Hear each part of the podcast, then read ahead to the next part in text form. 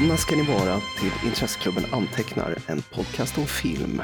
Vi är nu inne i den mörka och den kalla säsongen igen, då varma dofter av ingefära och kryddnejlika ligger som en mjuk pläd över tillvaron här på IK-redaktionen. Glitter och änglahår pryder våra mikrofoner. Med andra ord är det återigen dags att sortera biljettstubbarna och föra bokslut över det gångna filmåret. Välkommen Per! Tack Jesper, gud vad fint, jag blev tårögd. Vet du vad det här är? Kan det vara glögg? Ja, det är ett, eh, en kopp med varm, ångande glögg. Jättegott. Är det årets Ja, det, är årets, det är årets blossa faktiskt som är en så här New Orleans. Ja, just från de, de eh, pulserande gränderna fr- från, eh, Ja. ja. och så vidare. De har ju alltid en så här otroligt skitnödig copytext på baksidan. Det blir längre och längre för varje Ja. år, känns det som. Den för Louisiana välkända glöggen. Exakt, verkligen. Det kommer ju därifrån, det är många som inte vet det. Men vad, är liksom smakerna då? Är det lite extra? Jag tror att det är enbär. Alltså, den är... Den, ja, precis. Alltså, den, den, precis som alla andra år har den blivit slutsåld.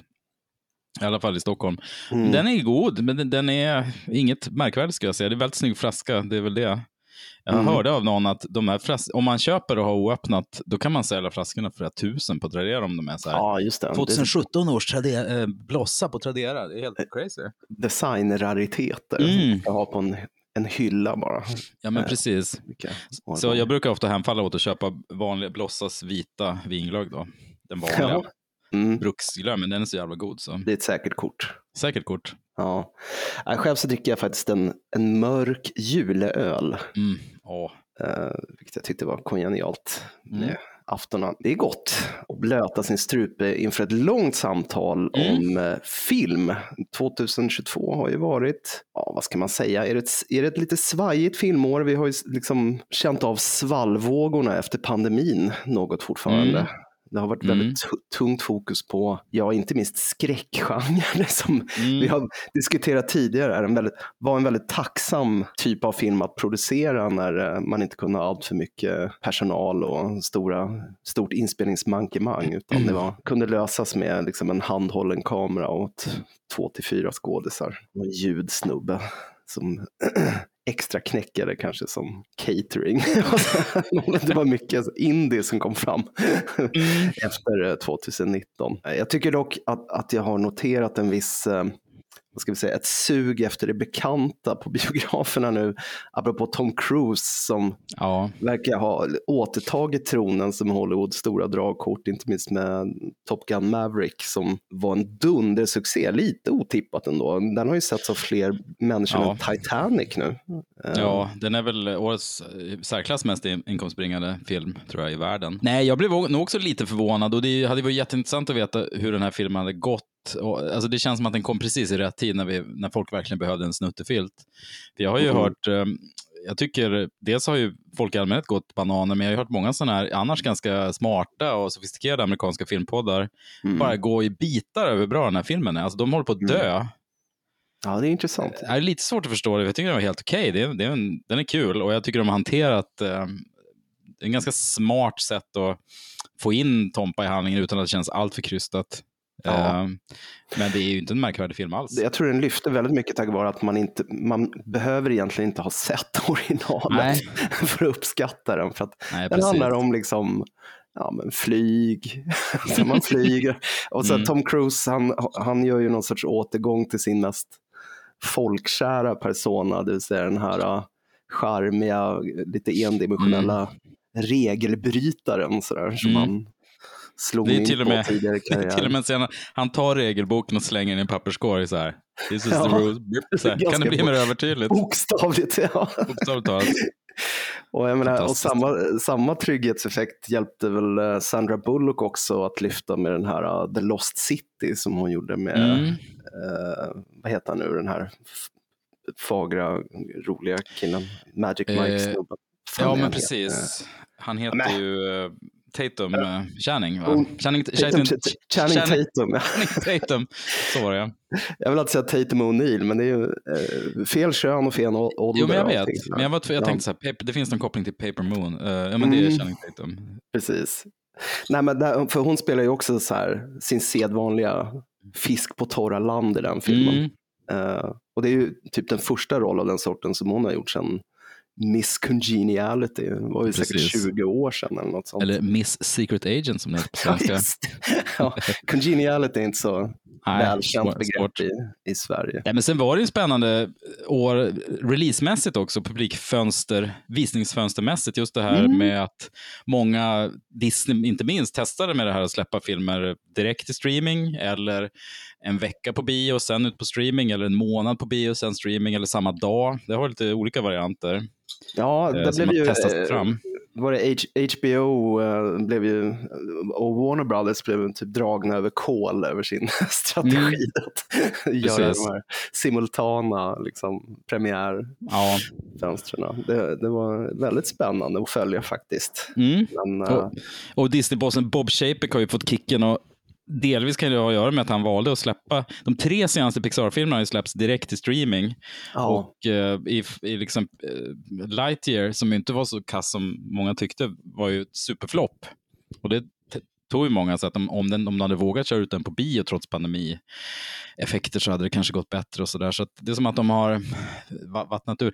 Jag lyssnar på ganska många poddar just om där Pix, eh, Pix, eller alltså just Disney och Chapek versus Bob Iger, så att jag är lite insnöad på det. Men det, det är spännande att se vad som kommer hända framöver. För att fortfarande är det så att den, eh, även om den är på utdöende, så just den, den businessmodellen att man först kör upp på bio är ju den bästa hittills. För det, det drar ju folk på streaming också mm, precis. Folk och nu inte- får ju strömningsjättarna kämpa lite, för nu har de ju expanderat så mycket de kan, i alla fall Netflix, så då måste de hitta nya intäkter. Mm, Ja, exakt. Ja, de ska väl eh, släppa en reklam Precis. eh, tier också där man, liksom, man kan titta gratis men då Ja. måste man se en jävla massa, precis som kabel-tv i princip. Eller, ja. Ja, precis. Men eh, ja, det där är intressant hur, hur, hur övermättad animationsmarknaden är också. För jag tänkte på den här, det fanns ju en tid då e- en Pixar-film var, det var ett event. Mm, Nu kommer en ny Pixar-film, det var en stor grej som Mm. alla gick och såg fram emot. Men nu känns det som att de, det släpps en var och varannan månad precis. på något sätt. Jag tror inte jag ens har sett de senaste sju, åtta de har gjort. Ärligt talat, för jag hinner inte med. Nej, det går snabbare nu. Ja, de bara försvinner på något sätt i, i Mm. det här bruset av, eh, för det, de är inte den enda studion nu heller som gör ganska kvalitativ animerad film. Så att, eh, Nej. ja, de hade en lyxig position för en 10-15 år sedan, men nu andra hinna ikapp dem. Jag kan också tycka att den här, alltså själva independent-scenen har torskat lite på bio i år för att jag tänker tidigare år då så här, typ småttingar som så här, Midsommar och Eighth Grade och ja, Sorry to bother you till exempel, så här, Mm. gjorde avtryck på biograferna internationellt i alla fall. Mm. Men i år så har det nästan bara varit så här studiospektakel som har lyckats på bio. Jo, precis. De andra filmerna har Det gjort avtryck på festivaler och så, men inte den större publikmässigt kanske. Nej, det är ju bara den här uh, Everything Everywhere All at Once. Det, Mm. det var ju en indieproduktion. Den gick ju jävligt bra. Mm. För den var ju kul att få. För den, den, lyckades, den punching above its own weight, som man säger på svenska. Verkligen. Den kanske kommer närmas ikväll, vem vet? Kan vara så.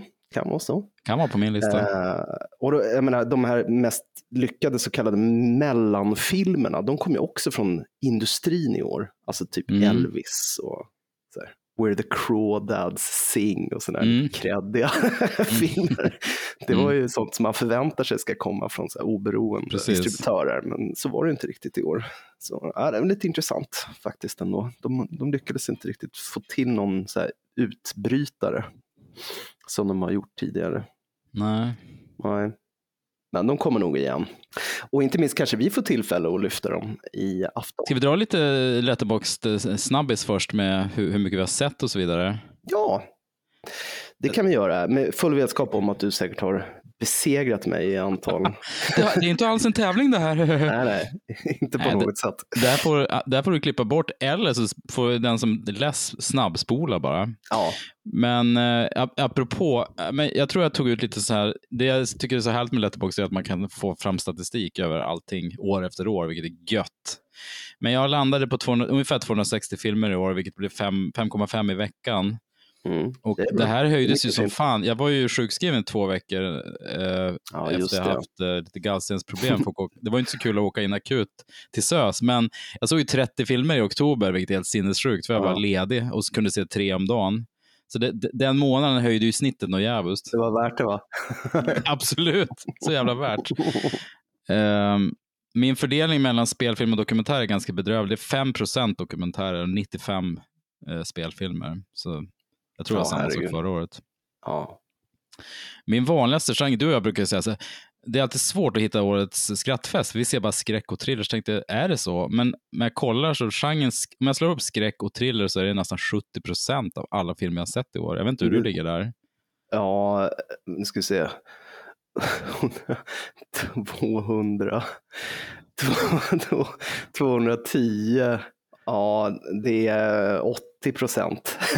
Skräck och thriller. Ja. Snyggt. ja. Ja, Jag vet inte, men alltså, jag har pratat med folk om det här och jag blir rofylld av att se skräck. Mm. Det, det är, liksom blir lugn av det. Mm. Jag vet inte vad det är. Men det här är ju ganska intressanta stats. 75 procent av filmerna jag såg i år såg jag om. Och jag såg Mm. egentligen bara 25 procent ny film, vilket är ett dåligt varsel inför eh, kvällens prisutdelning. Ja. Men ändå, Men det är kanske talande för att det har ett deppigt år också, att man vill ha lite så det snuttefilter. Man vill ha snuttefilter. Man ser hellre om Jagad än att se någon ny film som kanske inte alls är lika bra. Nej, precis. Ja, alltså min statistik är ju 17 omtittningar och 83 procent eh, första gången, så jag är ju åt andra hållet. Oj, oj, oj. Ja. Jag vet, det är ju galet egentligen. Den skådis som har förekommit i flest filmer jag har sett i år, bara det kommer, kan ju vem som helst lista ut vilken genre jag har kollat mest på. Det är Tony Todd. han, han toppar listan med god marginal här. Det säger någonting. Ja, Vilken genre. Det är inte så mycket romantiska komedier. nej. Eh, Politiska draman och sånt. Mm, bort. precis. Vi brukar ju av hävd eh, beta av alla kategorier innan vi börjar eh, utse våra Mm, val. Ska vi göra det nu också? det tycker jag. Kategorierna som vi kommer att välja varsin film under idag är årets blockbuster, tentpole eller franchise, årets slow burn, alltså ja, långsam upptakt mot crescendo. Eh, eller crescendo, en långsam film. Jag, jag vet inte hur man ska säga det. Eller i och för sig, hade du kallat den eh, jag vet inte, är Belatar, gjorde han slow burns? Jag vet inte. Det gjorde han Om inte. hela filmen är slow, då det måste Då ju ändå stegra sig. Långsam film. Då är den bara Ja, långsam. Ja. Seg. Ja. Eh, årets årets eh, skrattfest, eh, roligaste film. Årets drabbning, en film som vi tyckte var extra gripande eller berörande. Årets genombrott, eh, och det kan ju egentligen vara vem som helst inom filmindustrin som vi tycker är nämnvärd. Mm. Men vi brukar ju landa på regissör, skådis eller kompositör eller det brukar ju vara där någonstans i faggorna. Mm. Det är sällan vi tar bästa gaff. Nej, focus pooler. ja, precis. Eh, årets nagelbitare, det vill säga spännande film. Årets sillbälte, alltid en knepig kategori Mm. för mig som inte ser så mycket nordisk film, men eh, några, några fick jag in i år i alla fall. Årets filmmusik, årets överraskning, film som överträffade våra förväntningar. Årets besvikelse är ju andra sidan av det myntet, filmer som inte levde upp till våra förväntningar. Årets doldis, alltså en film som vi anser är underskattad eller förbisedd.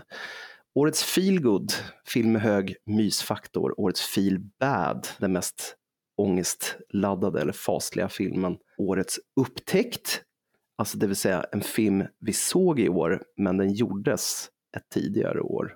Just det. Ja, och då menar vi alltså filmen vi såg för första gången i år. Inte men film precis. som vi såg om. Utan, nej. Årets Amblin är en kategori som vi stryker i år för att Mm. där ska man utse den mest Spielberg-artade filmen, men vi, varken du eller jag lyckades uppbringa någon film som kom i år som mötte de kraven riktigt. Nej, det fanns ingen som känns, känns klockrent i år, så vi stekte den i år helt Ja, alltså det närmaste jag kom det var Uncharted, men det känns otroligt platt och krystat. Ja, jo, jag såg den också. Den var inte så kul, så Nej. den är inte värdig att komma Nej. med här ikväll. Eh, avslutningsvis utser vi årets filmdjur, alltså minnesvärd eh, representant från eh, faunan. Mm. helt enkelt. Härligt, vi börjar helt enkelt. Ja, vi gör Och det. går rakt in på det med årets blockbuster. Mest lyckade tentpole eller franchisefilm. Vad har du? Eh, jo, men jag har en film som heter Prey. Ah, Why do you want to hunt? Because you all think that I can't. I saw a sign in the sky. I'm ready. Maui. Nita.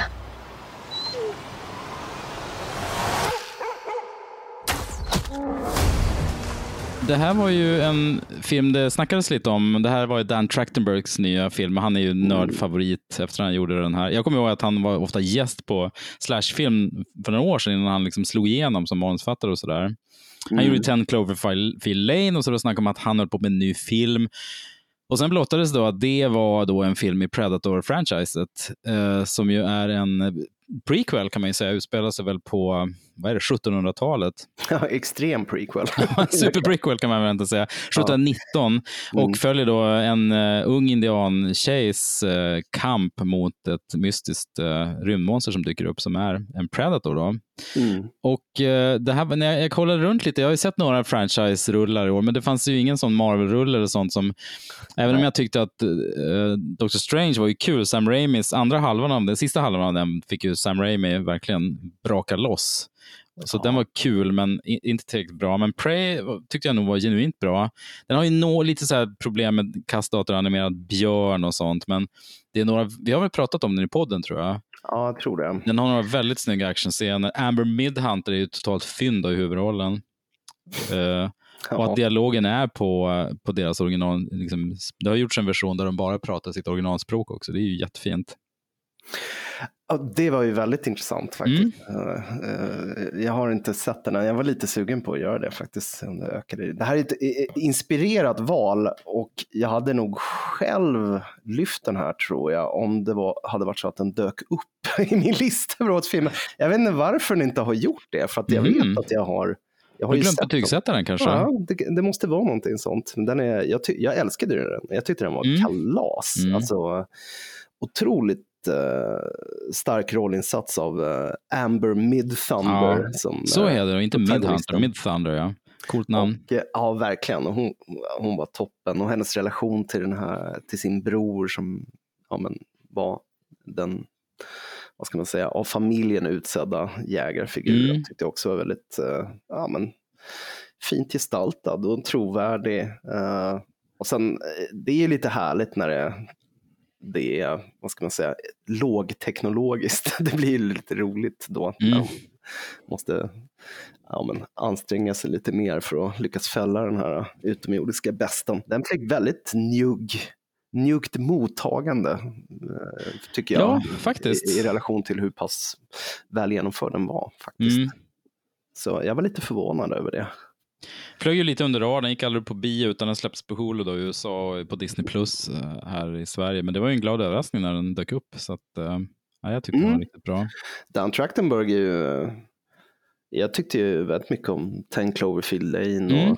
Så att jag såg fram och jag hörde om, ganska långt i förväg om att han höll på med manus till en ny Predator-film. För han var med Mm. på någon podcast han skulle välja sina främsta John Woo-filmer tror jag det var. Han är så här enorm Hongkong cinema Mm. eh, geek. Så, Mm. ja. Han har lärt sig kantonesiska och allt möjligt. Så det är en väldigt, väldigt intressant person. Vad har du för blockbuster då? Ja, eh, min blockbuster, det, det får nog bli, även om jag är otroligt mätt på det här, eh, den här oändliga floden av Marvel-filmer, så eh, hade jag nog ändå väldigt kul med Doctor Strange in the Multiverse of Ja, du Madness. tar den. Ja, bra. Mm.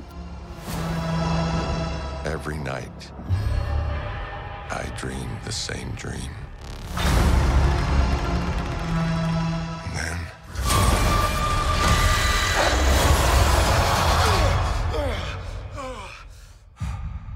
The nightmare begins.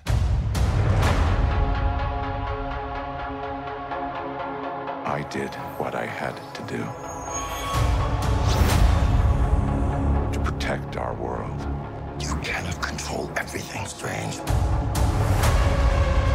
You opened the doorway between universes.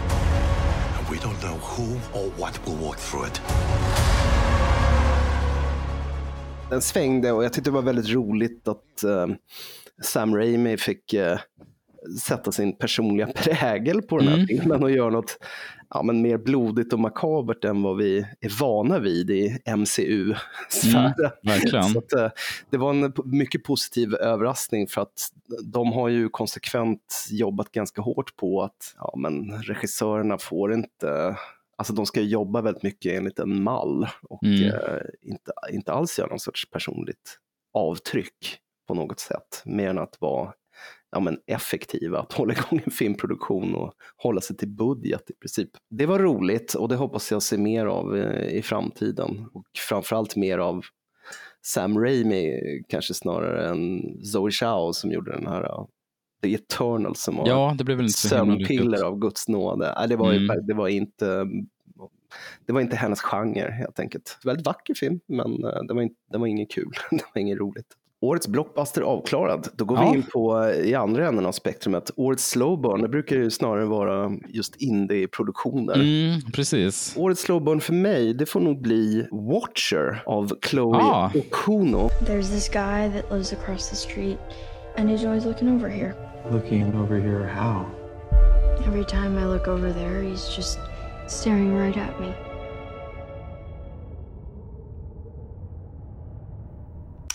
Hello, darling. Any reason in particular you're standing in the dark? Do you feel like coming in for a drink? Yeah.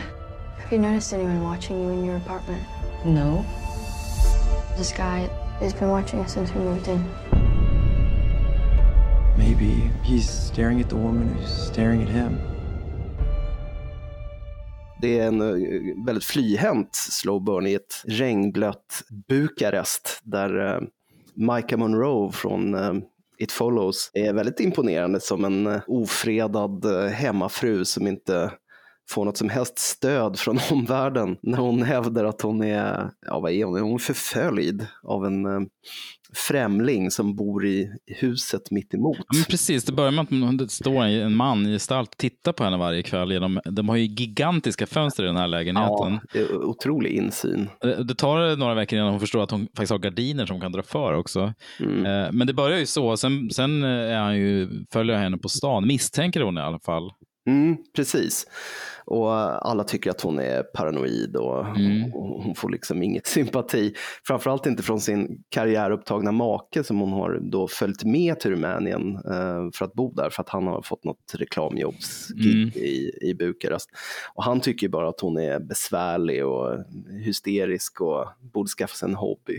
typ. Väldigt frustrerande. Men det är väldigt atmosfäriskt fotat av eh, en dansk som heter Benjamin Kirk Nielsen Mm. en nykomling i, i um, cinematografsfären som eh, är väldigt lovande och mycket kompetent regisserat av Chloe Okuno som dessförinnan huvudsakligen har regisserat för tv. Men det verkar allt mer vara mediet där man skaffar sina bona fides nu för tiden. För det görs Ja, precis. kvalitativ tv nu för tiden. Så, så nej, Watcher tyckte jag var väldigt krypande, obehaglig och spännande. Mm. Ja, men jag har ju sett den också. Jag tyckte det är en av de bästa skräckisarna jag sett i år. Eller en av de bästa Mm. filmerna jag sett i år faktiskt. Den är riktigt, riktigt spännande. Ja, och eh, lite, man tvivlar aldrig riktigt på henne, men det är skickligt gestaltat hur eh, hon ändå kan framstå som lite. Det är, det är, det är en klassisk Ja, trope där att ingen det tror finns på där. kvinnan i fokus. Det finns har ju hon allt det där. fel? Är hon lite hysterisk? Är hon bara en vanlig hysterika? Eller har hon Mm. faktiskt rätt? Ehm, hon börjar tvivla på sig själv, så det, det är snyggt gjort i den filmen. Den är väldigt stämningsfull och verkligen slow burn också, superlångsam på ett väldigt fint sätt. Det är så effektivt att det är Bukarest också. Det är inte alls, även om vi är mer bekanta med, hon är verkligen fish out of water och även om vi är mer Ja, det är bekanta en med kulturkrock som, Precis, som vilket ökar isoleringen. precis. Och, och det är genialiskt för väldigt mycket dialog pratar de ju. Hennes, hennes kille är ju härstammar från Rumänien, så att föräldrar är typ, så att han pratar ju flytande och det är många scener där det inte textat, så att vi är i hennes skor, vi fattar ingenting vad de säger, Nej. så att det blir extra alienerat. Ja, det är lite som så här Lost in translation fast Bill Murray hade varit en stalker. Lite så. Precis. vinklingen på det hela. Så, Mm. eh, vilket gav mycket positivt resultat. Vad har du på Slow Burn? Jo, men jag har eh, Jordan Peels senaste film Nope där på Slow Burn. Did you know that the very first assembly of photographs to create a motion picture was a two second clip of a black man on a horse? And that man is my great great grandfather. Great. There's another great grandfather. But that's why, back at the Haywood Ranch, as the only black owned horse trainers in Hollywood, we like to say since the moment pictures could move, yeah, skin in the game.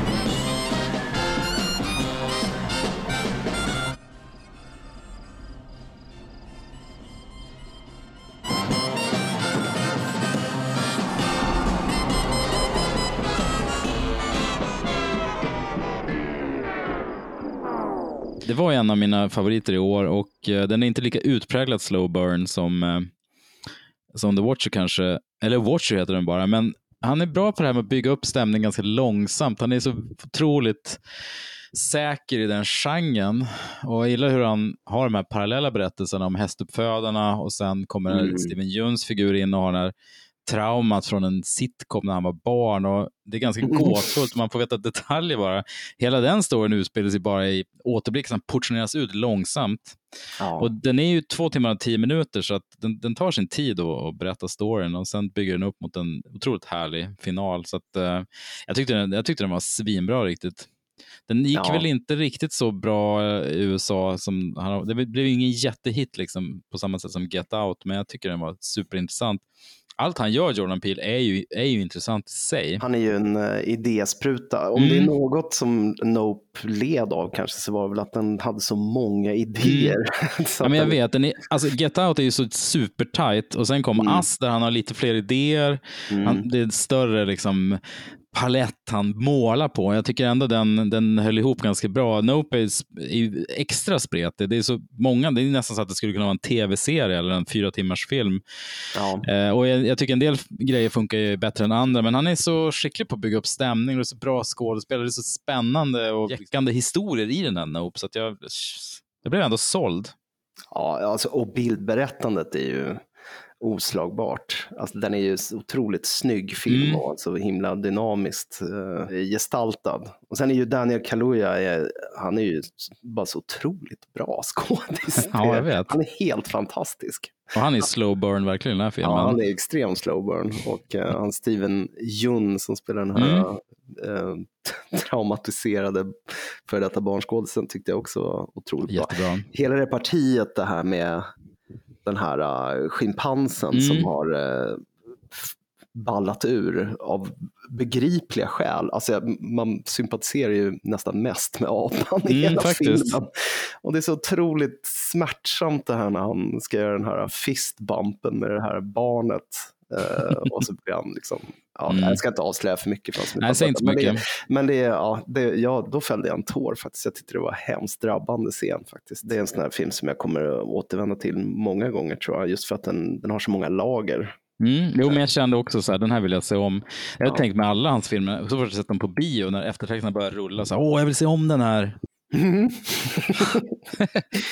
ja, får man göra det också. Ja, det, det, precis, jag tror jag såg Us två gånger på bio, men jag kan ljuga. Det kanske var att jag bara såg om den hemma. Den Just är det. också bitvis superläskig och ruggigt effektiv. Sen är det vissa grejer som, som är inte oklara, men jag gillar den ändå. Ja, allting behöver inte vara så jävla Nej, förklarat. det är bra när det inte är det. Precis. Ja, vad fint. Mm. Då går vi vidare till årets skrattfest. Ja. Lite svårt när man ser så- 80% skräck och Ja, thriller. jag vet. Och det är så extremt uppfordrande också, ordet skrattfest. Mm, Man, mm. man ska sitta och rågarva. Bara, Åh, vad fan vad roligt.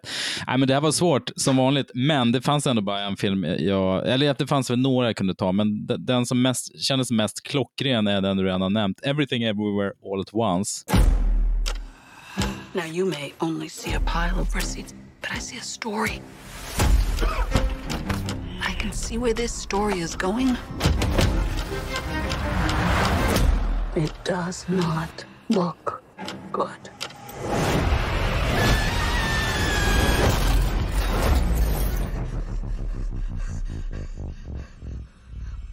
What's happening?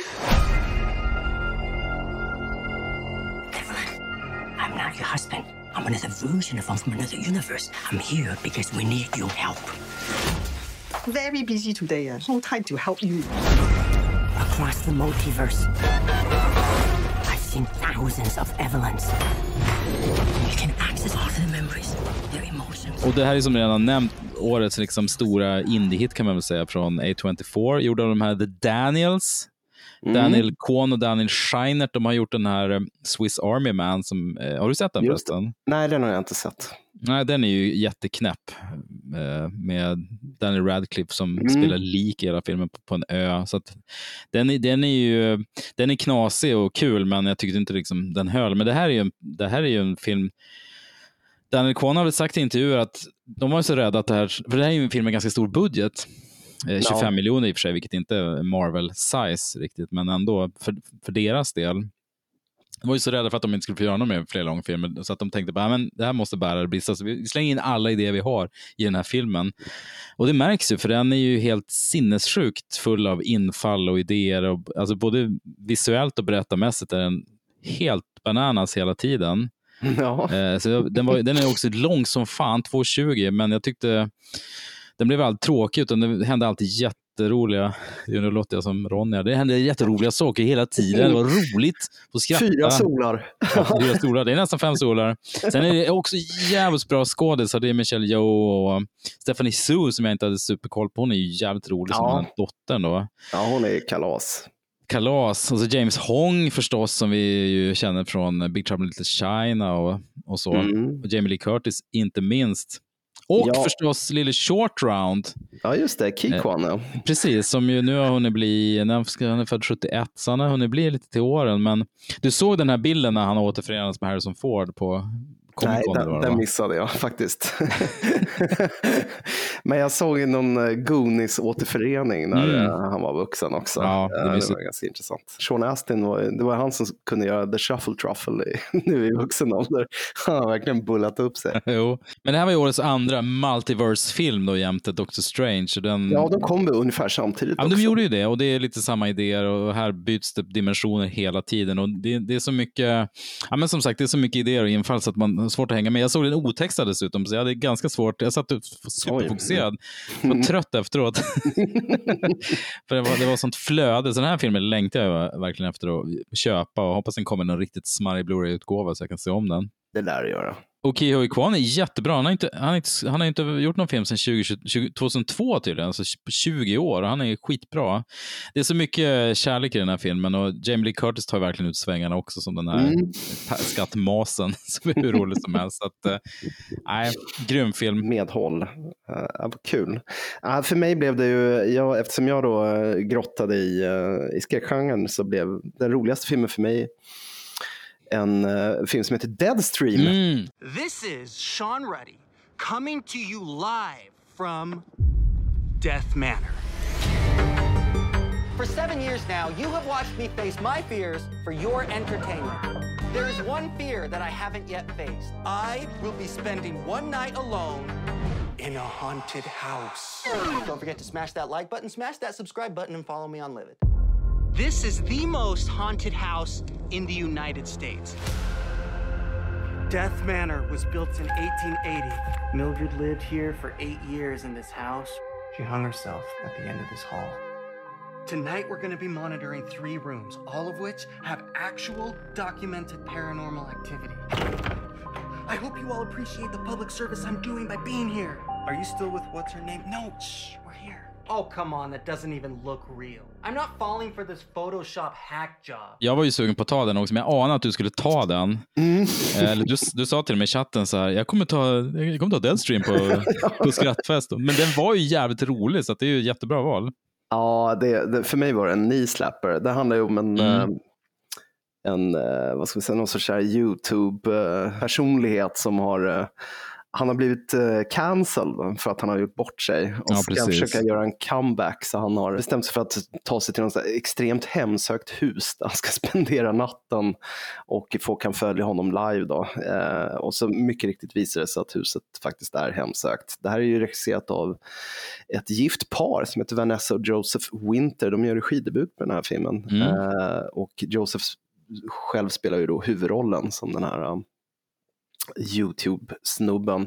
Väldigt, eh, vad ska man säga, trots en påfrestande huvudrollsfigur, för det kan man ju ändå kalla honom. Han är ju inte sympatisk direkt. Så, så är det här en väldigt kreativ eh, och eh, detaljrik skräckkomedi i sann Mm. eh, Evil Dead-anda. Inte minst Evil Dead 2. Skräckcartoon kan man säga. Mm, Med mm. obefintlig budget men fullständigt knökfull med idéer. Och, Mm. eh, så jag, jag hade väldigt roligt åt den här. Den är en sån här film som man nästan måste se om för att få med sig alla små skämt. Inte minst i den här uh, kommentarsstreamen som man ser hela tiden där alla hans tittare kommenterar i realtid det som utspelar sig i filmen. Vilket är, liksom, det är värt en fyra fem omtittningar bara. Mm, det, är, det är jävligt roligt. Ja, så den vill jag ju lyfta fram om inte alla har sett den än såklart. Nej, men det tror jag inte. Den är inte dålig kanske, men gillar man skräck eh, och skräckkomedi så är det klockrent. Bra jämförelse där med Raimi och Evil Dead. Mm. Jag tänkte på, han kör ju mycket med kamera i, liksom fastsatt i pannan och här är det också, det är ju alltid den här utmaningen när man ska göra en found footage, man få det att leva, men då har han ju det här smart att han sätter GoPro eller sådana fasta kameror i varje rum. Han har jättemycket olika kameror som heter Garage Cam eller Kitchen Cam. Så då kan Alltså, allting växla. som man, han sätter en kamera på får ett speciellt namn. Precis. Ja. Och det är cam. Ja, men exakt. Nej, men den är, men, men som du säger, otroligt fiffig och den här personen, är han är olidlig i början, men, men sen, sen är han han spelar honom på precis lagom over the top så att man står ut med honom ändå. Mm, jo, men verkligen. Och, eh, nej, den, går att, den går att hyra på, Mm. på VOD-tjänster. Så att, eh, Gjort. det rekommenderas om man är sugen på att ha lite sköj och bli lite, lite skrajsen. Mm. Mm. Då är vi inne på årets drabbning. Precis, Det årets mest- känsligt här. Ja. Ja. nu är det gripande berörande film. Ja, är det jag som öppnar då? Ja, det är du, du som sitter och fnissar åt skräckfilmer. Men vad var det som egentligen var helt oberörd och blasé? Vad, vad berörde dig på det djupet i år? Ja, men vet du, och du kommer inte bli ett dugg förvånad när jag säger det här, men för mig så var det nog Clerks 3 av Kevin Smith. That's how we did it in the 90s, son! Can't catch my breath, man. Really? Should I try mouth stuff? What is this, a Tinder date? Get off of me. Uh, oh, shit. Mr. Dante! I need an ambulance at the quick stop. Saved my life, man. Wish I had a life worth saving. What are you talking about? Sit around and watch the same movies over and over. I always thought you could have made a cool movie. You're right. I'm living on borrowed time. No more watching movies. I'm gonna make a movie! What's the movie gonna be about? It's about him working here. Meta. Everything in the script is something either me or someone I know said. I'm not even supposed to be here today. Maybe Jane and Silent Bob could be characters. Jay and Silent Bob are like C3PO and R2D2. They've been here since the first movie, which was the last time they were cool. But they've been with the franchise so long, they still give them cameos and put them on the lunchboxes. Snifty Booches! Please tell me Ja, Oh nej, jag vet hur det låter, men alltså, jag älskade Kevin Smiths Clerks när den Mm. kom 1994. Och eh, jag log överseende åt Clerks 2 som kom 2006. Den, den filmen vann ju mycket på att eh, charmfyrverkeriet Rosario Dawson spelade den kvinnliga huvudrollen. Och nu i år då, 16 år senare, så kom slutligen det avslutande avsnittet i den här triptyken då, Clerks 3, som är ett vemodigt återbesök till den lilla närlivsen i New Mm. Jersey, där expediterna Dante och Randall, nu eh, rejält medelålders, får sin eh, monotona vardag omskakad av Randalls plötsliga hjärtinfarkt. Mm. Här kan man alltså dra direkta paralleller till Kevin Smiths privatliv också, som han blev ju Just det. själv eh, hade en nära döden upplevelse och eh, var tvungen att ställa om ja, men, sin kost och sin livsföring Mm. totalt för ett par år sedan. Eh, Det här är en väldigt småskalig, personlig och, och, och gripande beskrivning av förspilld ungdom, grusade livsambitioner. Eh, men framförallt så är det en väldigt rörande film om vänskap. Ah, jag tycker den var väldigt försåtligt djupsinnig i det här eh, överflödet av eh, förväntade snuskskämt i en Kevin Mm. Smith-film. Så jag, jag blev lite tagen på sängen av den faktiskt, måste erkännas. Eh, jag kom på mig själv med att sitta och vara riktigt engagerad och, och gråtmild när jag såg den. Så Fint. jag kan varmt rekommendera alla som har följt Kevin Smiths, eh, man behöver inte ha följt View Askew Universe eh, i sin helhet, men i alla fall Clerks. Om man, om man tyckte om Clerks, då rekommenderar jag Clerks 3. De två huvudrollsinnehavarna är förvånansvärt bra. Det upplevde man ju kanske inte riktigt i originalet 94. Där var det ju dialogen som var konung. Ja men verkligen. Man tänker inte på Jason Mewes och det gänget som så här djupa skådisar. Nej, direkt. det direkt. Ja, vad spännande. Jag läser här innan till att det är den nionde filmen i View Askew-universet. Som det är svårt att säga på svenska. ja. ja. Ja, jag blir fan sugen på att se den. Ja, men gör det. Det är ju mycket stjärnor i liksom småroller och cameo-roller och sådär också ser jag, också, ser jag här. Det är kul. Ja, han är ju en trevlig prick, Kevin Smith, så att han Mm. har ju många polare i branschen. Vad fint. Eh, intressant val. Jag, det blir något helt annat nu när jag tar årets drabbning. För att, eh, årets, årets mest berörande film för mig var eh, den svenska dokumentären Döttrar. Ska se om jag hittar någon fin bild. Kolla vad fin hon är där. Är det mamma? så lik. Ja. Om man säger så här, ja hon är död. Då känns det konstigt om de skulle fråga så här, hur dog hon, när dog hon, hur gammal var du när hon dog? Eller Alla skulle typ Så tro att jag- att det var när jag var liten eller någonting. Nej, det var typ förra året. Jag tyckte ju det var jobbigt att prata om för att jag skämdes lite typ. Just liksom, alltså att det var självmord, det var ju det som var liksom det värsta. Eller så här, det var ju det som var, det sa man ju inte liksom. Nej. Och det här är ju lite fusk, för att jag, eller fusk, men jag känner ju Jennifer Malmqvist som gjort den här filmen, så jag är ju fruktansvärt partisk. Men när jag tittade igenom året så fanns det två filmer och en av dem hade ju inte haft premiär än. Den såg jag på en festival och då vågade jag inte ta den för att då Nej. var jag skäll av dig. Mm. Så det, den försökte jag ändå bara. Ja, det är korrekt. Men det här var den film som berörde mig allra mest. Det här är alltså en dokumentärfilm som följer tre systrar. Eh, dels när deras mamma eh, bara ganska nyligen har tagit livet av sig. De är ganska små de här tjejerna i, eh, i början av filmen, eller när, hon, när Jennifer började följa dem då. Men sen följer hon dem tio år senare, eller under årens lopp, och när de som vuxna då, eller lite halvvuxna, pratar om det. För de har ju spritts lite grann, de här tjejerna, och inte pratat jättemycket om hur det gick till när, när mamma gick bort och hur de mår och sådär. Så de kommer närmare varandra. Den är ju, ja, jag grät ju för hela... O, jag, först grät jag när jag såg trailern flera gånger. Eh, eftersom Vi hade den på jobbet när vi presenterade filmen och sen när jag, när jag såg filmen så grät jag ännu mer. Den är otroligt fint. Hon kommer väldigt nära dem. Den är otroligt snyggt plåtad också av Itas Bronick Sight som Mm. har fotat många av Jennifers filmer och det är jättefin musik också av en dansk kompositör som jag inte kommer ihåg vad han heter. Men den är jättefin. Gick upp på bio nu eh, under hösten och kommer väl, den går fortfarande men den kommer väl att komma på streaming till våren. Gud vad intressant. Men eh, skillnaden då hur de har på varsitt håll bearbetat sorgen eller möts de och gör det tillsammans? Eh, Hur? Nej, alltså det, blir det blir ju någon form av terapi för de, eh, de har väl sagt själva att en del saker hade de inte pratat om förrän kameran rullade egentligen. Eh, och det är jätteintressant hur, hur nära hon kommer och hur, hur öppna de är också. Men den är, den är gjord med väldigt stor finkänslighet och väldigt liksom respekt och ömhet mot de här tre tjejerna som väldigt verbala men väldigt modiga också förstås som, som släpper in eh, filmaren i det här. Ja, det är den bästa typen av dokumentärskapare som kan ingjuta sån Mm. tillit liksom, eh, hos sina subjekt. Ja, det låter väldigt eh, Ja, den är gripande, det jag- otroligt, otroligt berörande och gripande. Var kan jag se den här? Alltså just nu går den på spridda visningar på lite olika biografer. Eh, men typ så här Panora i Lund och Sita i Stockholm. Ehm, när det här avsnittet är ute så kan den ha gått ner, men eh, kolla efter den på bio. Annars borde den rimligtvis släppas på streaming i början på nästa år. Men det, är, det, är det Folkets bio då? Eller är det... Nej, det är Doc Lounge som distribuerar den. Okej. Mm. Ja, Jag tänkte det är bra att den går på Sita i alla fall, för annars hade det varit så här, ja, ja, men du kan se den klockan två på tisdag eftermiddag ute i, eh, i Mörby. Jo, precis. Det blir ofta så styrmoderligt behandlade sådana här ja, filmer, tyvärr. Jo, det är svårt för dem på Mm. Filmstaden och liknande. Ja. Nej, men den rekommenderas jättevarmt.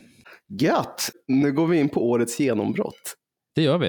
Nej, men det här är en jättekul kategori och jag tänkte inte jättelänge på den här för det kändes som det var eh, rätt givet här. Och här halkar vi in på skräck igen då, svårt att Mm. undvika. Jag Men- tror jag vet vad du ska. alltså förutsägbar. Men, men du vet redan att jag kommer säga Mia Goth nu. Ja. Eh, det här är ju då Mia Goth som eh, ju är Ty Wests samarbetspartner och musa i Mm. två filmer. Vi har, eh, Ty West har ju skämt bort oss i år. Mm. Och Alltså, snart tre. Snart är det ju tre också. Alltså, Ja. Han slog igenom med House of the Devil 2009 och sen gjorde han Innkeepers och The Sacrament 2013 som jag tycker är svinbra. Sen gjorde han den här Mm. cowboyrullen In the Valley of Violence som jag tror vi kanske pratade om i någon podd. Ja. Rätt eh, hårdkokt trailer. Mm. Sen gjorde han inte så mycket på flera år, men eh, brakade till med först X i våras och sen Pearl nu i höstas. biggest star the world has ever known, so that I'll make it far, far away from this place. Now, caring for your family during these times is admirable. But you only get one take at this life. If only they would just die. Pardon? Nothing.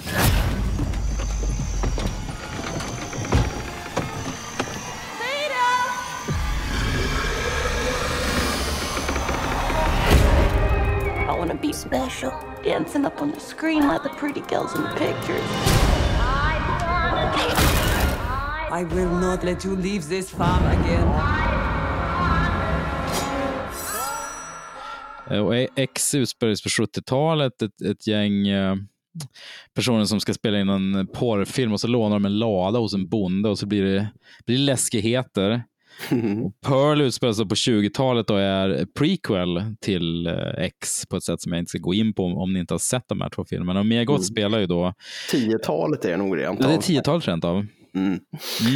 Och som sagt så håller de ju på nu med tredje filmen Maxine som jag tror ska utspela sig då efter X och utspela sig på 80-talet om jag, om jag minns rätt. Ja, precis. Kan det stämma?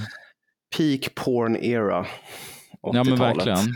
Nu tycker jag inte att vare sig X eller Pearl är liksom mästerverk. Jag tycker båda var ja, men effektiva skräckisar. Eh, Det känns som att i och med att det är Ty West och det är A24 så får man en trimmer av att det ska betyda någonting. det kanske Ja, säger något precis. om hur, hur Det står A24, påverk- så det måste vara bra. Men exakt, det måste vara bra. Ja. Eh, Så, eh, även, nu vet jag inte om den kommer på någon din lista, men vi har ju, vi har ju sett Bodies, Bodies, Bodies i år, också en A- A24-release.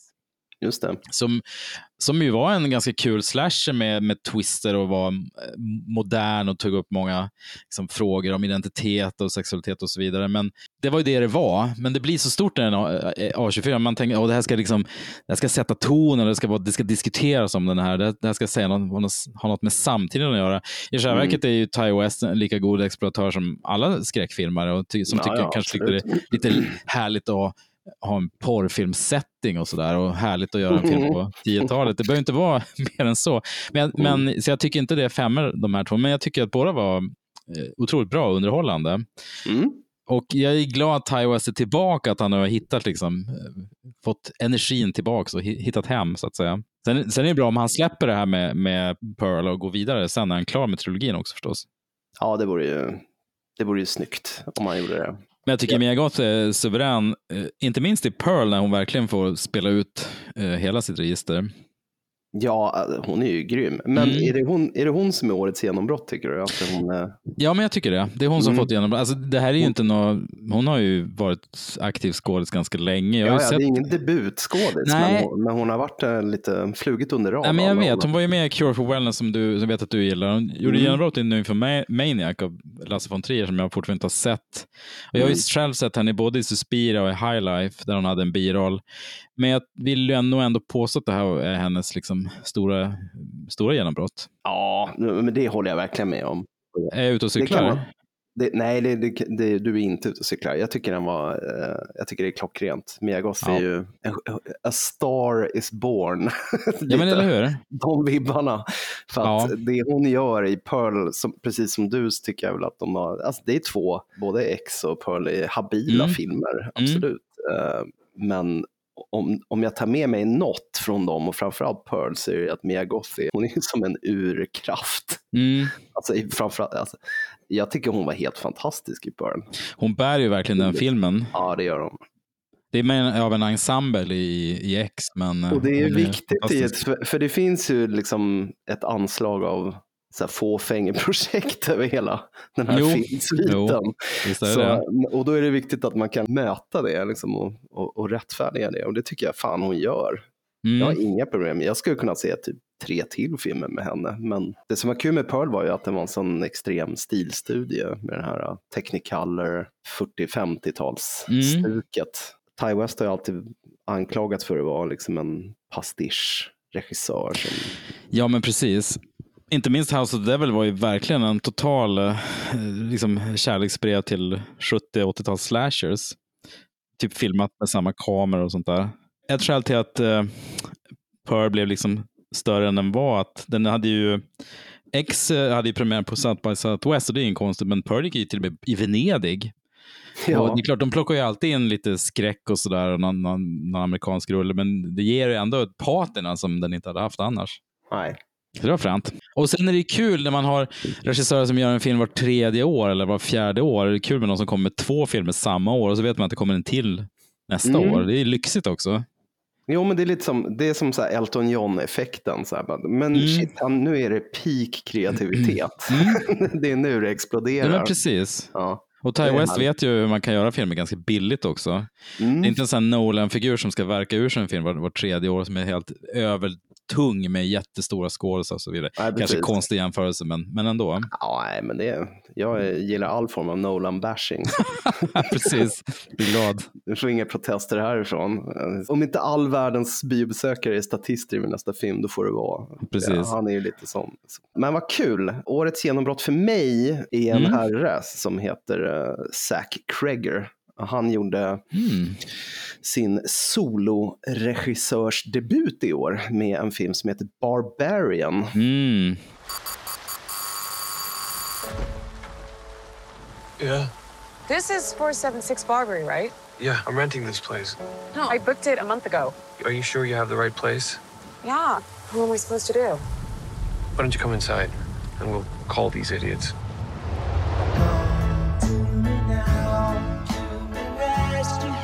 Why don't you just crash here? Oh, no. I don't know if you got a great look at this neighborhood, but I don't think you should be out there by yourself. It's dry and there's a lock on the door. By the way, I'm Keith. Tess. You take the bedroom, and I'll sleep out here on the couch. God.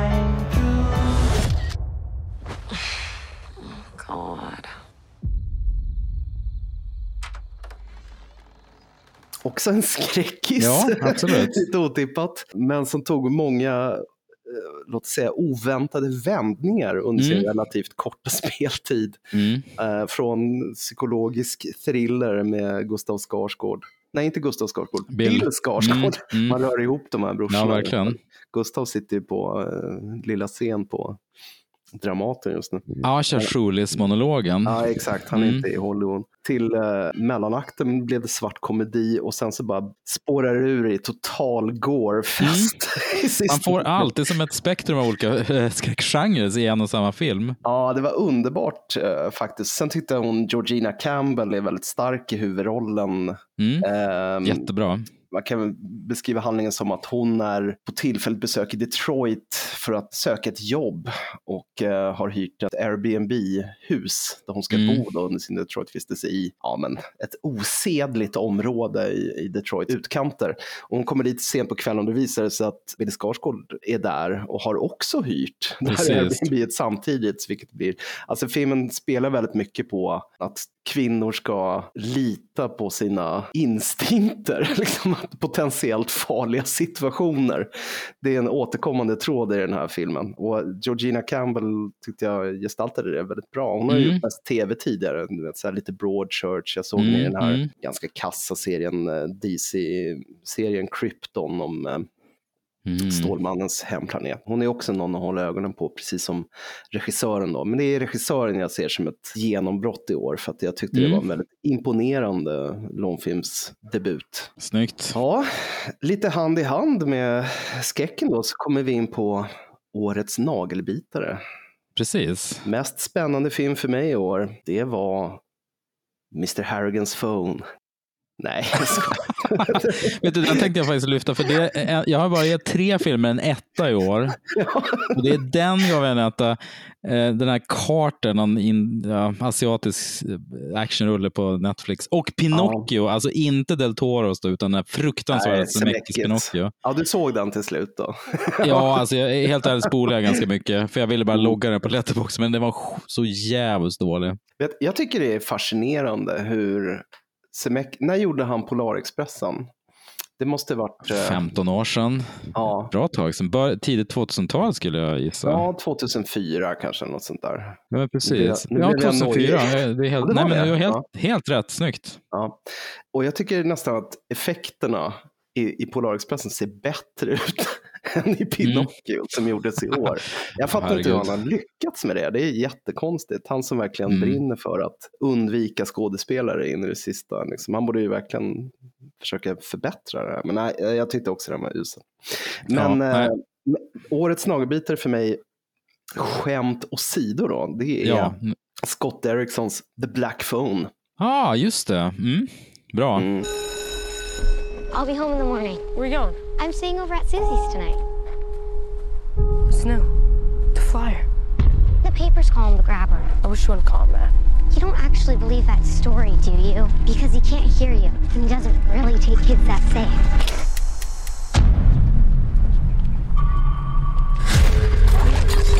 Oh, you goof.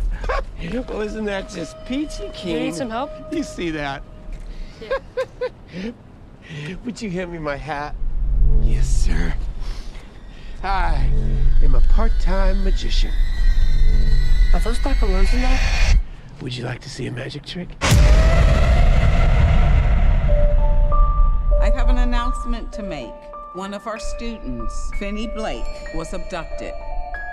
What if I could help the police find Benny?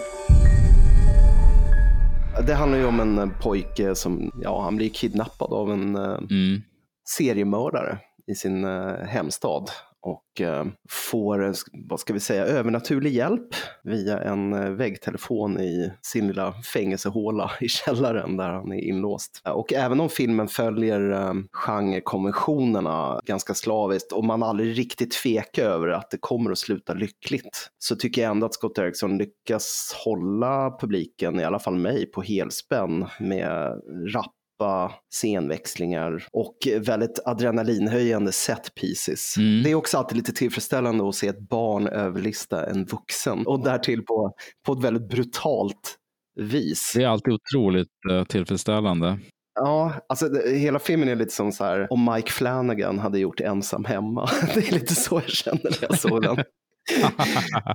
Men, ja, nej, så det, jag tyckte den var riktigt spännande. Den är som ett jävla urverk. Liksom, och ändå sitter man, ja, man sitter på nålar. Jag håller verkligen med. Det här bygger på en novell av Joe Hill som de har, eh, han har utvecklat tillsammans med C. Robert Cargill. eh, Och jag tyckte den var Mm. riktigt läskig. Och den, jag ska inte avslöja allt för mycket, men den, den har några otroligt snygga... Det, det är väldigt mycket att det är en location eh, egentligen när han blir fångad. Och det är som smarta lösningar för att åskådliggöra hur han kommunicerar. Nej, Jag ska inte avslöja för mycket. Jag visste skitlite om den här filmen när jag såg den, så ju mindre man vet desto bättre är det. Men den är genuint kuslig och eh, Ethan Hawke som ju inte har, om man lägger ihop hur många minuter han är med i filmen så är det inte så många, men han gör ju ett oförglömligt intryck verkligen. Riktigt Ja. obehaglig. Jo men verkligen. Alltså, han har ju The verkligen... grabber som han kallas. The grabber. Också så läskigt. Nej, men, ja. Man grabbar tag man i vill, en. man vill inte bli grabbad. Så Nej. liksom. You've been grabbed, säger han till alla. ja.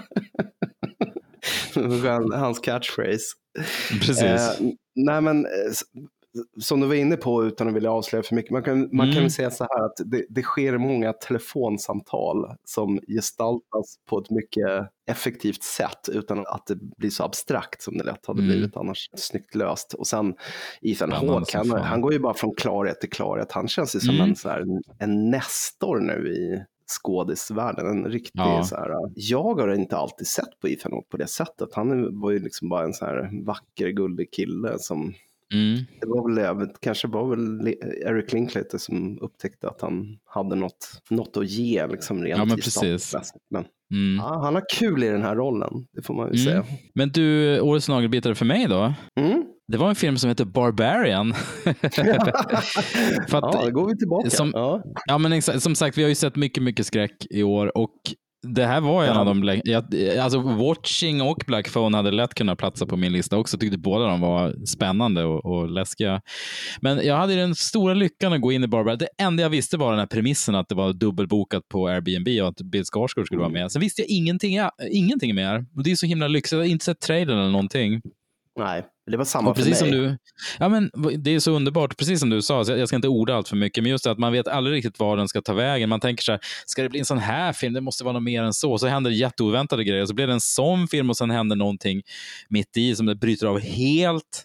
Ja, ni fattar när ni ser den. Den är skitbra. Och den ligger på Disney Plus också, lyxigt nog. Så att, eh, nu sitter jag och gör obetald reklam för Disney Plus, men det är så knäppt att den ligger där bland alla Pixar-rullar och bara for the Ja, taking. det, det finns en del sådana märkliga Ja, men Fresh ligger ju där också som, Ja, som är riktigt Ja. otroligt grov. Och, Mm. Nej, men intressant. Nej, men Jag läste en kort intervju med, med Zac Cregger som förutom regi och även skrev manus till filmen. Och han, hans process var ju själv att inte ha någon större outline kring vad filmen skulle handla om. Utan han tog det nästan så här, sekvens för sekvens. För hans teori var att om jag överraskar mig själv då kommer jag garanterat överraska publiken. det lyckades han ju verkligen med. Ja. Vilken, vilken bra arbetsmodell egentligen. Ja, i alla fall som ett experiment. Så här. får vi se om man lyckas. Ja, i alla fall om man är, om man är duktig har bra Ja, idéer. det var ju kul Mm. att den fick komma tillbaka. Ja, tränar starkt här i år. Men Mm. du, då går vi till årets sillbälte och det är årets nordiska film. Ja, precis. Nu har jag ju faktiskt redan sagt en nordisk film, men jag, jag tar en till här. Min bästa nordiska film är en film som heter Ruva, eller Hatching. Finsk Mhm. film Åh, som är gjord gött. av, ja den är fin, gjord av Hanna Bergholm, eh, skriven av Ilja Rautsi. Hei, sähän oli tosi hyvä. Kiitos. Rinja pitäisi treenata oikein ekstra kovaa, että pärjää sulle.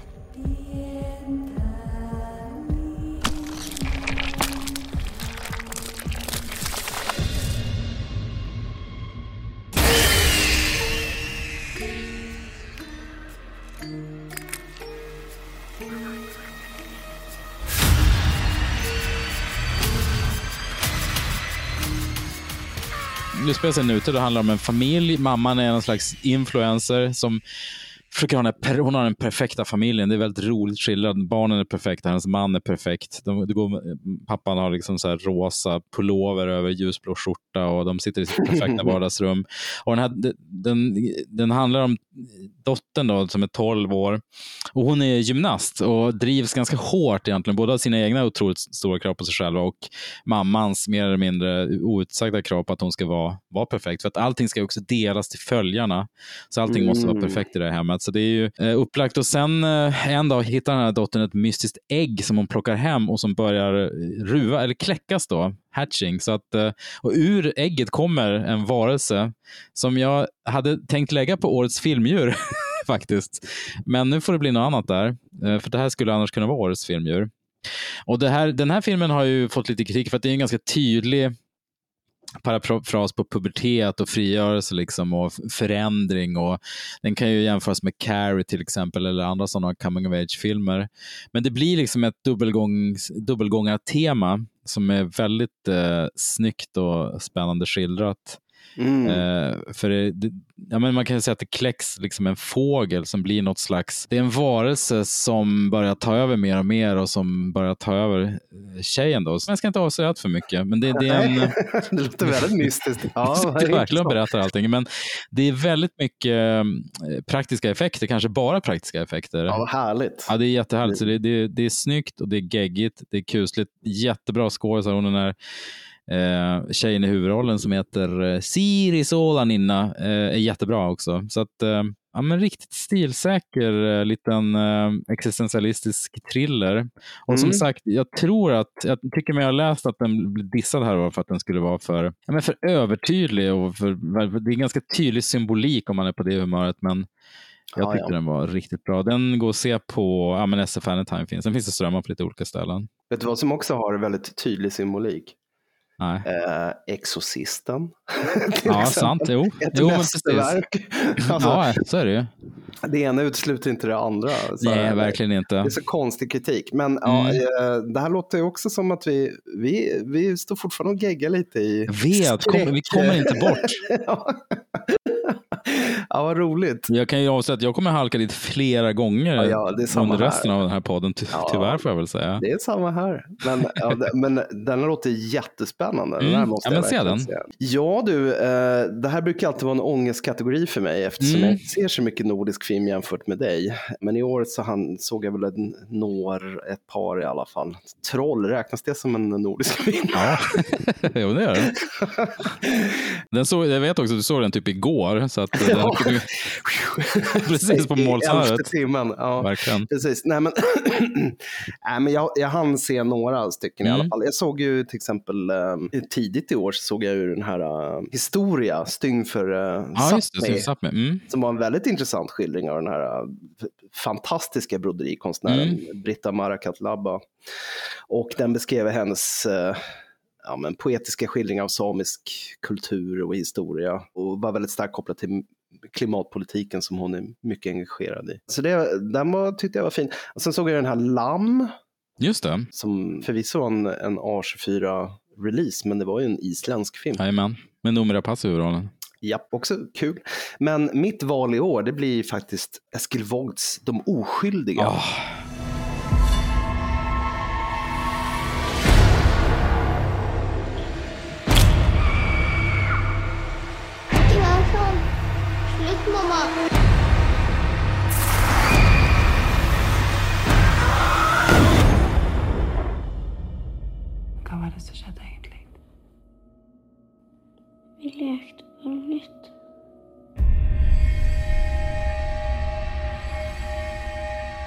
Skriven och, och regisserad av Eskil Vogt som, eh, ja, han är väl mest känd som Joakim Triers manus Par häst, Mm. kan man väl säga. Han var med och skrev ja, men Världens värsta människa som vi båda lyfte förra filmåret tror jag. Ja, det gjorde vi. Och eh, Oslo 31 augusti som vi också har lyft som ett mästerverk, repris etc. etc. Men filmen i sig följer ju en grupp barn i en norsk förort som umgås, eh, ja men de umgås för mer av brist på urval egentligen än, än riktigt tycke för varandra. Då är det så att ett par av de här barnen, de besitter övernaturliga krafter som de, eh, ja, utan att avslöja för mycket, väljer att tillämpa på mer eller mindre bra sätt.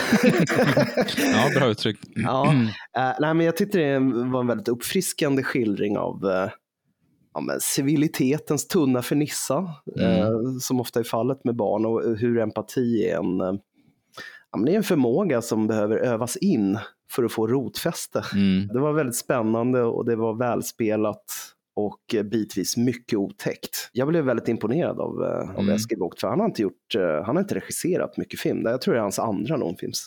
Ja, det är ju otroligt Insats. imponerande. Svinbra val. Det är- Den skulle kunna vara för mig också. Skulle även kunna ligga nästan på nagel, nagelbitar. För den har några, av- jag tror några av de otäckaste filmer som jag har sett i, i år.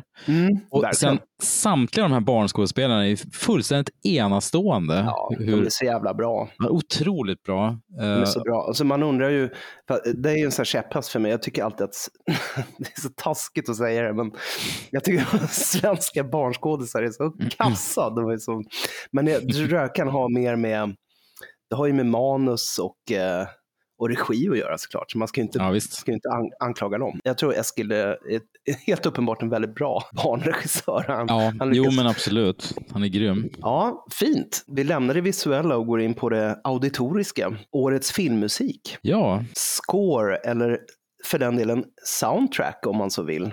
Jag tror att du förra året valde ett soundtrack över ett score, va? När man hade kom en kompilation av låtar, Ja. var det så, som användes flitigt i någon vara. film. Jag, jag, jag, jag kanske var hade. Once upon a time eh, in, Amer- in eh, Ja. Hollywood då. Ja, så kan det ha varit. Ja. Tarantino kan jag ha haft. Mm. Han är ju en ganska bra spellistkurator. Jo, verkligen. Bra blandmansgubbe. Jag tyckte det här var knepigt i år faktiskt. Samma för mig. Jag hade några bubblare. Jag tyckte till exempel att um, Kenneth Branaghs Döden på Nilen hade ett väldigt bra Mm. score, bra filmmusik, bättre, bättre än filmen som helhet. Jag tyckte inte filmen var så dålig, den har ju fått väldigt dålig kritik. Jag tyckte den var underhållande. Det var ju hemska CGI-effekter givetvis. Och så hade att han kokade ihop en fullständigt överflödig origin story för, eh, för Poirots mustasch var ju också en Men- konstig, konstigt Ja, inslag. varför? Så onödigt. Halloween Ends tyckte jag också hade väldigt bra eh, Mm. filmmusik. John Carpenter Ja, och hans, hans grabb Cody. Cody. som satte ihop det. Men jag vill nog ändå lyfta filmmusiken till The Northman. Mm. Så Robert Eggers film. Just det.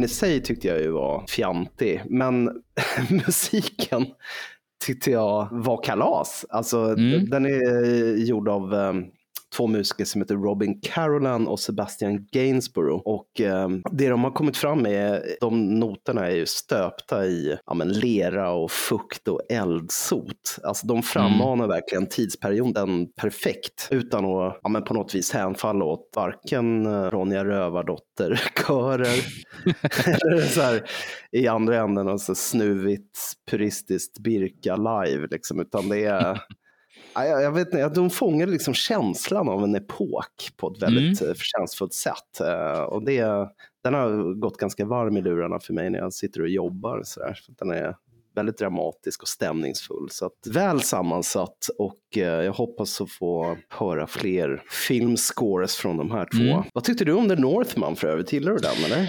Jag gillar den. Inte tillräckligt mycket för att den skulle kvala in på någon sån här årsbästa lista eller så, men jag tyckte den var mustig. Apropå Ethan Hawke var ju han väldigt bra som kungen där i början.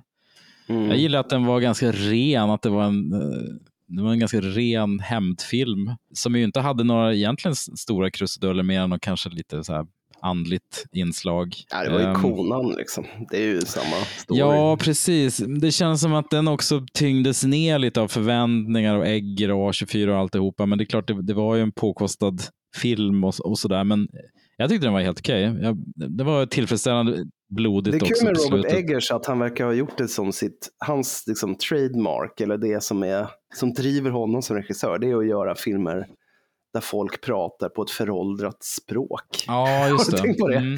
Det var liksom Ja, The Witch, till det. och sen var det The Lighthouse och så den Mm. här, och all, det, alltid det här arkaiska dialogen. Så det, Mm. det verkar vara det han går loss på och skildra på något sätt. Bang var äh, härlig, han var liksom Klasse Bang Ehm. kan man alltid lita på.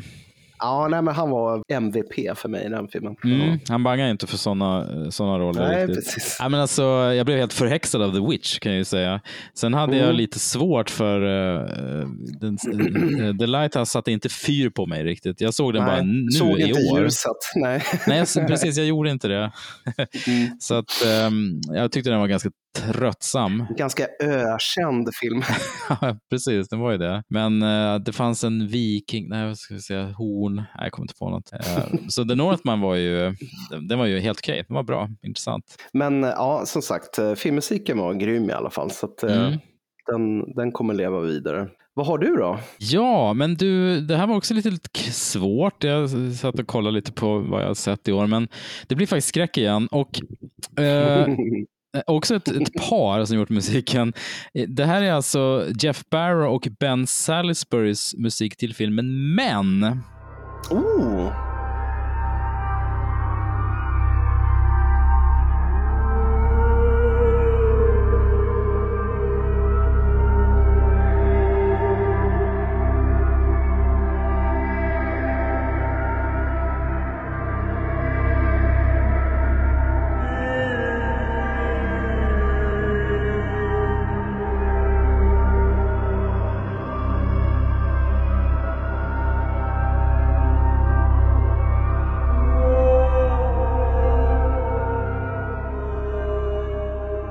Dallas Garlands film, som ju i korthet handlar om eh, att en kvinna som är spelad av den gudabenådade Jessie Buckley har precis Mm. varit med om en otroligt traumatisk händelse med sin partner.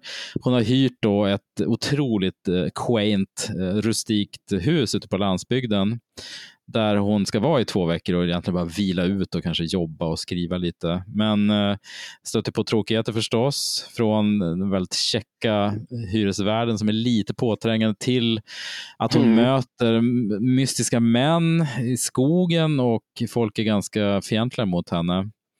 Eh, Mm. Och jag vet inte om- obehagligt.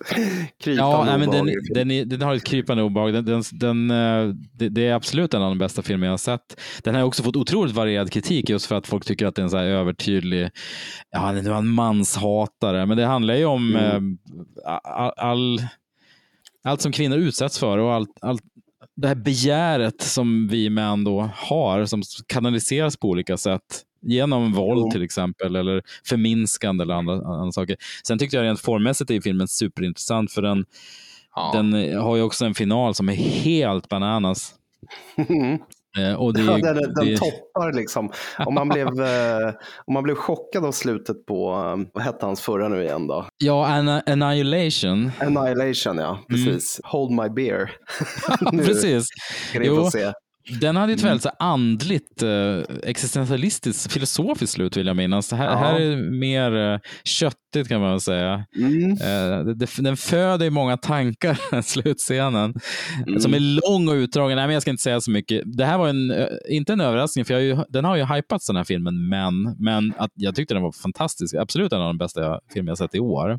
Mm. Ja, det Så det är en- och förutom att det man känner sig då tyvärr vä- väldigt träffad eh, som, som man så, så är det också en eh, det är ju en klass, den har ju en inslag av klassisk brittisk eh, folktroskräck också. Förutom Mm. att det är en stalkerfilm och, och en, en thriller och så. Så att rekommenderas varmt. Men musiken är då gjord av Jeff Barrow som ju vi kommer ihåg från Portishead. Japp.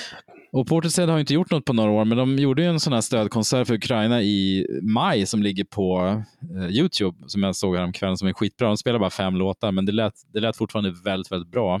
Ja, vad kul att höra. Ja, och hon Beth sjunger ju fruktansvärt fint, så att jag hoppas ju verkligen de kommer tillbaka. Men de har ju gjort, eh, Barrow då, Salisbury har gjort musik till eh, jag tror alla Garlands filmer. De gjorde till Ex-Machina till exempel och Mm. Annihilation. Och Devs, då, den här, den här eh, tv-serien som jag fortfarande inte har sett. Mm, gör det. Du har sett den va? Ja, jag har sett Mm. den. Den var, sevärd. Den här musiken är ju, ja men den är lite elektronisk men den, den är liksom ett, den har liksom koral, lite körinslag med en, en, liksom en Ja. soloröst.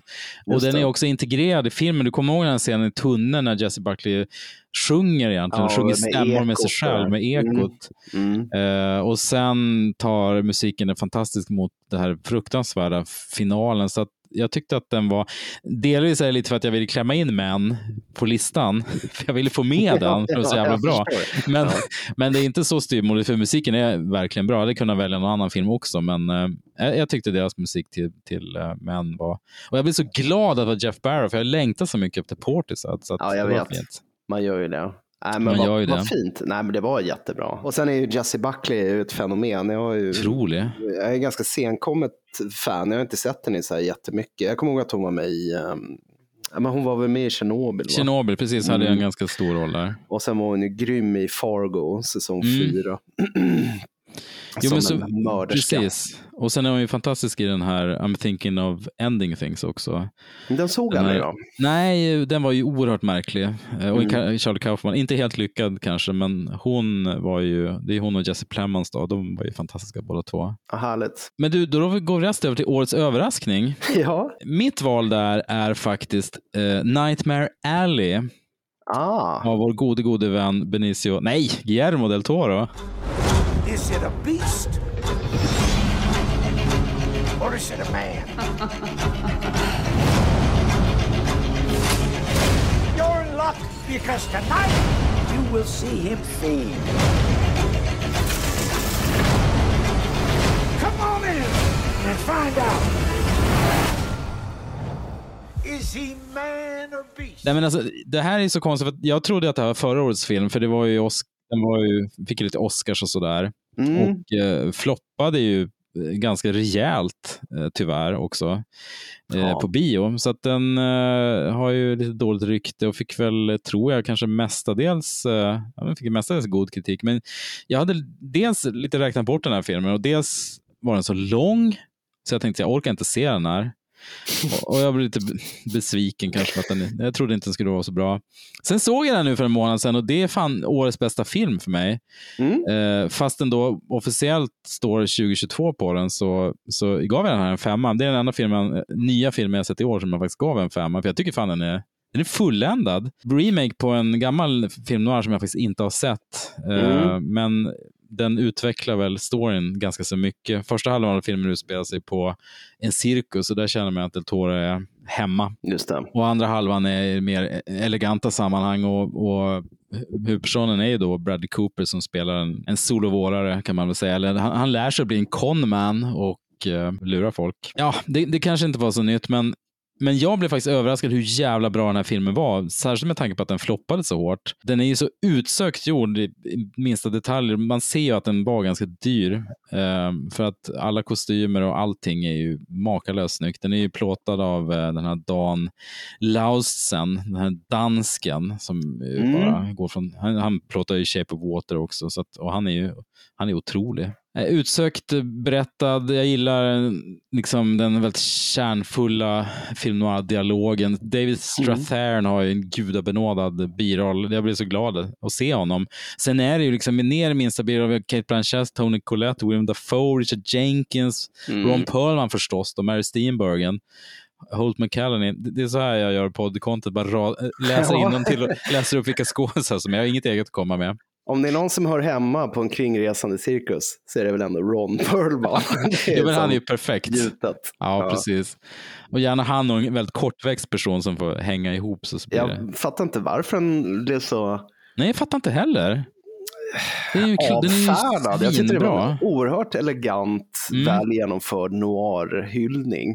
Kalas. Jag tror den blev väldigt fel marknadsförd på ett konstigt sätt. Mm. Och aff- filmaffischen kommer jag ihåg var ju fruktansvärd. Den såg ju för jävligt ut. Jag hade inte heller varit sugen på att se den om jag såg affischen. Ja, nej, det finns ju en med lite huvuden och väldigt, väldigt photoshoppad. Och... Men filmen var ju en, det var en liten bakelse. Jag hade jättekul med den. Ja, jag undrar om folk hade svårt för, ja men precis för spelet, det, det, delvis är ju spelet lite stiliserat, speciellt då kanske för på Bradley Cooper. Jag vet inte om folk hade problem med det, att de tyckte det var sökt, men det är ju en noir-anda. Det, är ju, det, det ska ju Ja. vara stramt, det ska vara jävligt snärtiga repliker. Jag tyckte det funkade, det levererar på Absolut. alla plan den här filmen. Ja, jag kanske Mm. sparkar in öppna dörrar, men hur som helst var det en, var en eh, glad överraskning för mig och en av de eh, absolut bästa filmerna som kommit på senare år. Min överraskning är, når väl inte upp till samma verkshöjd som Guillermo del Toros Nightmare Alley. Men det här var på, på riktigt den film som överträffade mina förväntningar i år och det var ju Dario Argentos Occhiali Neri, eller Dark Ja. Glasses. Mm. Era salita in camera di un nostro cliente. Prima di lei ci sono state tre vittime.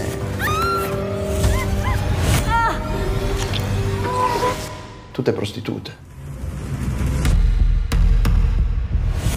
Che cosa si ricorda? Ha detto che è stata inseguita in macchina. För efter ehm, ja, en lång, lång ökenvandring med Mm. ehm, ja, stolpskott som Jallo och Dracula 3D och, och sen det här uh, evighetsprojektet The Sandman som han skulle spela in med Iggy Pop i huvudrollen Mm. som någon sorts otäck mördare som man halvhoppades aldrig skulle bli av. Och det blev den ju aldrig heller. Så fick han till slut till en film. Jag skulle ju aldrig kalla den en riktigt bra film, men Mm, den mm. var inte hemsk, vilket var väldigt skönt. ja, men en habil Jallo med många så här callbacks till tidigare filmer han har gjort. Man säger att den handlar väldigt kort om en prostituerad som eh, blir förföljd av en seriemördare som förorsakar att hon blir blind och eh, måste hantera den nya verkligheten. Och i samband med den olyckan som gjorde henne blind så har hon gjort en liten pojke föräldralös. Och de två får ju någon sorts relation och bildar ett, ett starkt band sinsemellan. Inte ett majestätiskt bokslut på något sätt, men ändå så här, ja, han hade liksom en halvschysst film kvar i sig. Mm. Nu får man väl hoppas att Argento gör filmkarriär som skådis istället, efter Gaspar Noés Vortex. Ingen av oss har lyft den. Nej, får se om den dyker upp. Han var ju väldigt bra Mm. där som åldrad eh, filmvetare eller filmskribent egentligen. Självviktig och... Ja, han känns mer som privatspanare eller hemmaforskare. Han är väldigt självupptagen. Han håller på med någon bok som man vet aldrig riktigt om det kommer bli någonting. Men så här prutt intellektuell liksom. Nej, men vi såg ju den här på Monsters of Film tillsammans och det förhöjdes ju av att gamle Dario var där också förstås. Det var ju väldigt kul att få se honom. Mm. Il Maestro stod där. Mm. Och lite, lite okaraktäristiskt ödmjuk inför publiken. Ja, det, var, han. det var. Ja, men han verkar genuint glad över att det var fullsatt och att han togs emot med så mycket kärlek. Han fick ju otroliga applåder. Nej, det, för mig var det årets överraskning. Mm. Att han hade som en, en halvschysst film i sig fortfarande. Vilket var roligt.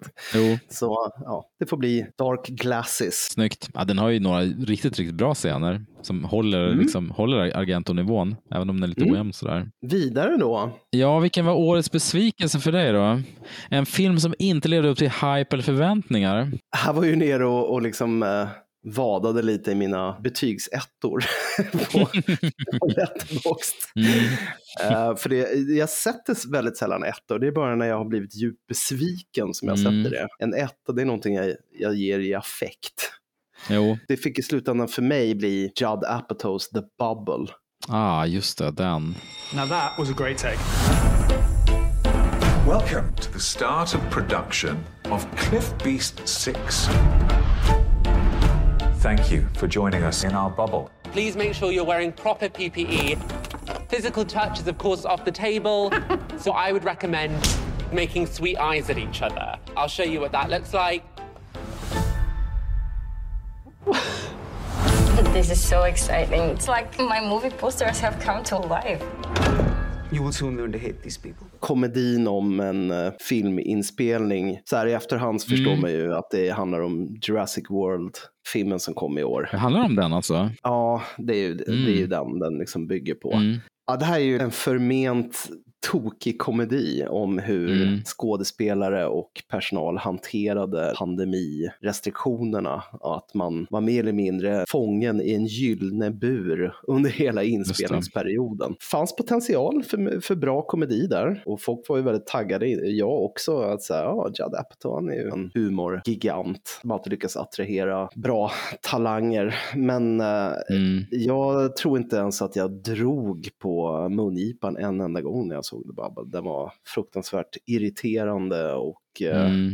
eh, självgod och fåfäng och tråkig. Nej, den blev otroligt sågad. Jag, jag tror jag såg första tio minuterna, men tänkte jag så här, oj, det här var ju plågsamt. Ska jag, sit, ska jag sitta i en timme och Alltså nästan två timmar. Den är ju 2.04 eller något sånt där. Det är som vanligt med Judd Apatow, är för, är för långa filmer. Man blev nästan lite chockad för att det fanns en tid då Judd Apatow var kungamakare. Då man såg en Judd Apatow-film och då kunde man räkna ut att säga, ja men den här typ eh, tredje, fjärde birollen som gjorde ett litet avtryck, det kommer bli nästa humorstjärna. Och Mm. den liksom, trenden kunde man följa i så här 10-15 år nästan. Deppigt. Ja, förlåt. Nej, men det här är ju en deppig avdelning. Vi ska ju prata om våra Mitt besvikelser i år. kommer jag här med, Precis. med mina svarta tankar. Nej, men man har ju gillat Judd Apatow. Han verkar vara, han verkar vara en härlig person också när man hört honom i poddar och så vidare. Leslie Mann är ju eh, alltid fantastisk. Hon är ju typ den enda som kommer undan i den här filmen med heden i behåll. Den är väl stjärnspäckad när man tittar på rollistan, må jag säga.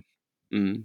Nej, undvikas. Bra. Nej, men alltså, min stora besvikelse, jag har ju redan dragit mina ettor, men jag hade ju inga förväntningar på Pinocchio eller Mr. Harrigans Phone, även om jag hade mer förväntningar på det jobbigaste med den tyckte jag var att Donna Sutherland är så himla gammal och det är uppenbart att han, han inte orkar stå så mycket längre. Han sitter ju nästan alla scener. Sitter. Ja, han kommer alltid in i någon rullstol. Ja, men precis. Ja. Eh, ja. ja, det var ju Moonfall vi såg de senaste. Just det. Och eh, det det är inget, vi ska inte old man shamea ho- honom Mm. Nej, för det. verkligen inte. Han är ju... Nej, han är fortfarande bra, även om han sitter. Men det, Absolut. Man märker Han att han är- kanske börjar varva ner lite nu. Är Jo, men jag tror det. Han är alltså 87, så att det får man ju verkligen Mm. unna honom. Han, han jobbar fortfarande. Nej, men alltså mitt förra året eh, hade jag en skräckfilm på årets besvikelse. I år har jag en annan skräckfilm i samma serie och det är alltså förra året var det Halloween Kill som var min stora besvikelse. I år är det Halloween Ends. Let's go.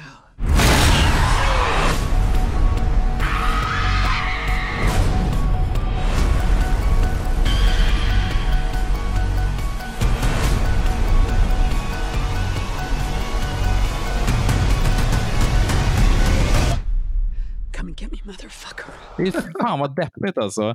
Det här är ingalunda en etta, jag vet inte vad mitt slutbetyg blev, men eftersom ens var någon, första var ju liksom bra, det lovar Ja. någonting. Tvåan var, vad, vad hände nu? Vad konstigt det var. Det var så lite fokus på Laurie Strode och hela mentalsjukhuset och Evil dies tonight och så vidare. Jag tänkte, men nu kommer Kills. Nu kommer de att knyta ihop säcken, men jag tror du var lite mer positiv än jag var, för jag blev Ja. ganska knäckt av den här filmen. Ja, Jag, var, jag är lite konträr när det gäller Halloween. Mm, ja, men Det- är bra. Lite motvalls.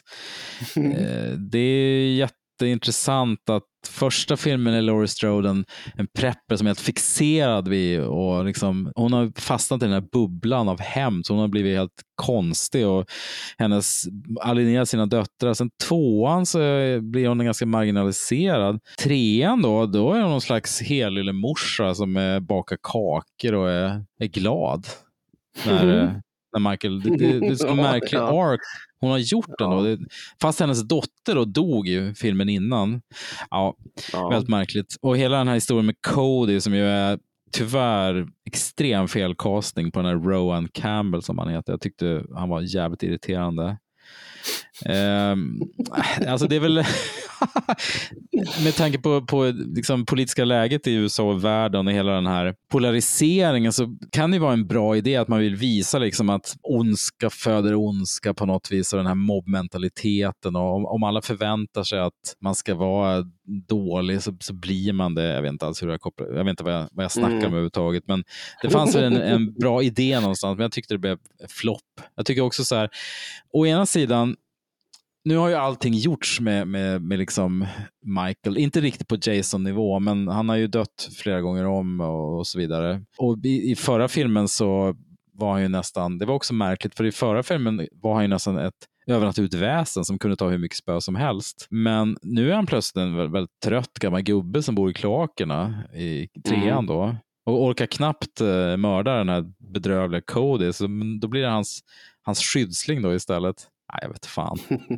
Nej, många märkliga idéer i den här filmen. Den har ju första, första tio minuterna är makalöst bra. Riktigt eh, roligt, elakt, eh, våldsamma. Och även slutet, själva uppgörelsen tyckte jag var bra. Men om, om man tar första 10 och sista 20 håller, men däremellan hade jag lite problem. Den var fånig. Men du har en lite mer resonlig bild av den här filmen. Nej, resonlig vet jag inte, men jag, tyck, jag tycker dina poänger är fullständigt giltiga. Alltså det jag tyckte om med den var ju att den har ju balls. Alltså det är ju verkligen ja. att, att marknadsföra den som så här, the final showdown mellan Michael Myers och uh, Laurie Strode. Och det var för min del inte så här, äh, jag har inte gått och längtat efter det, för att det har vi ju redan sett.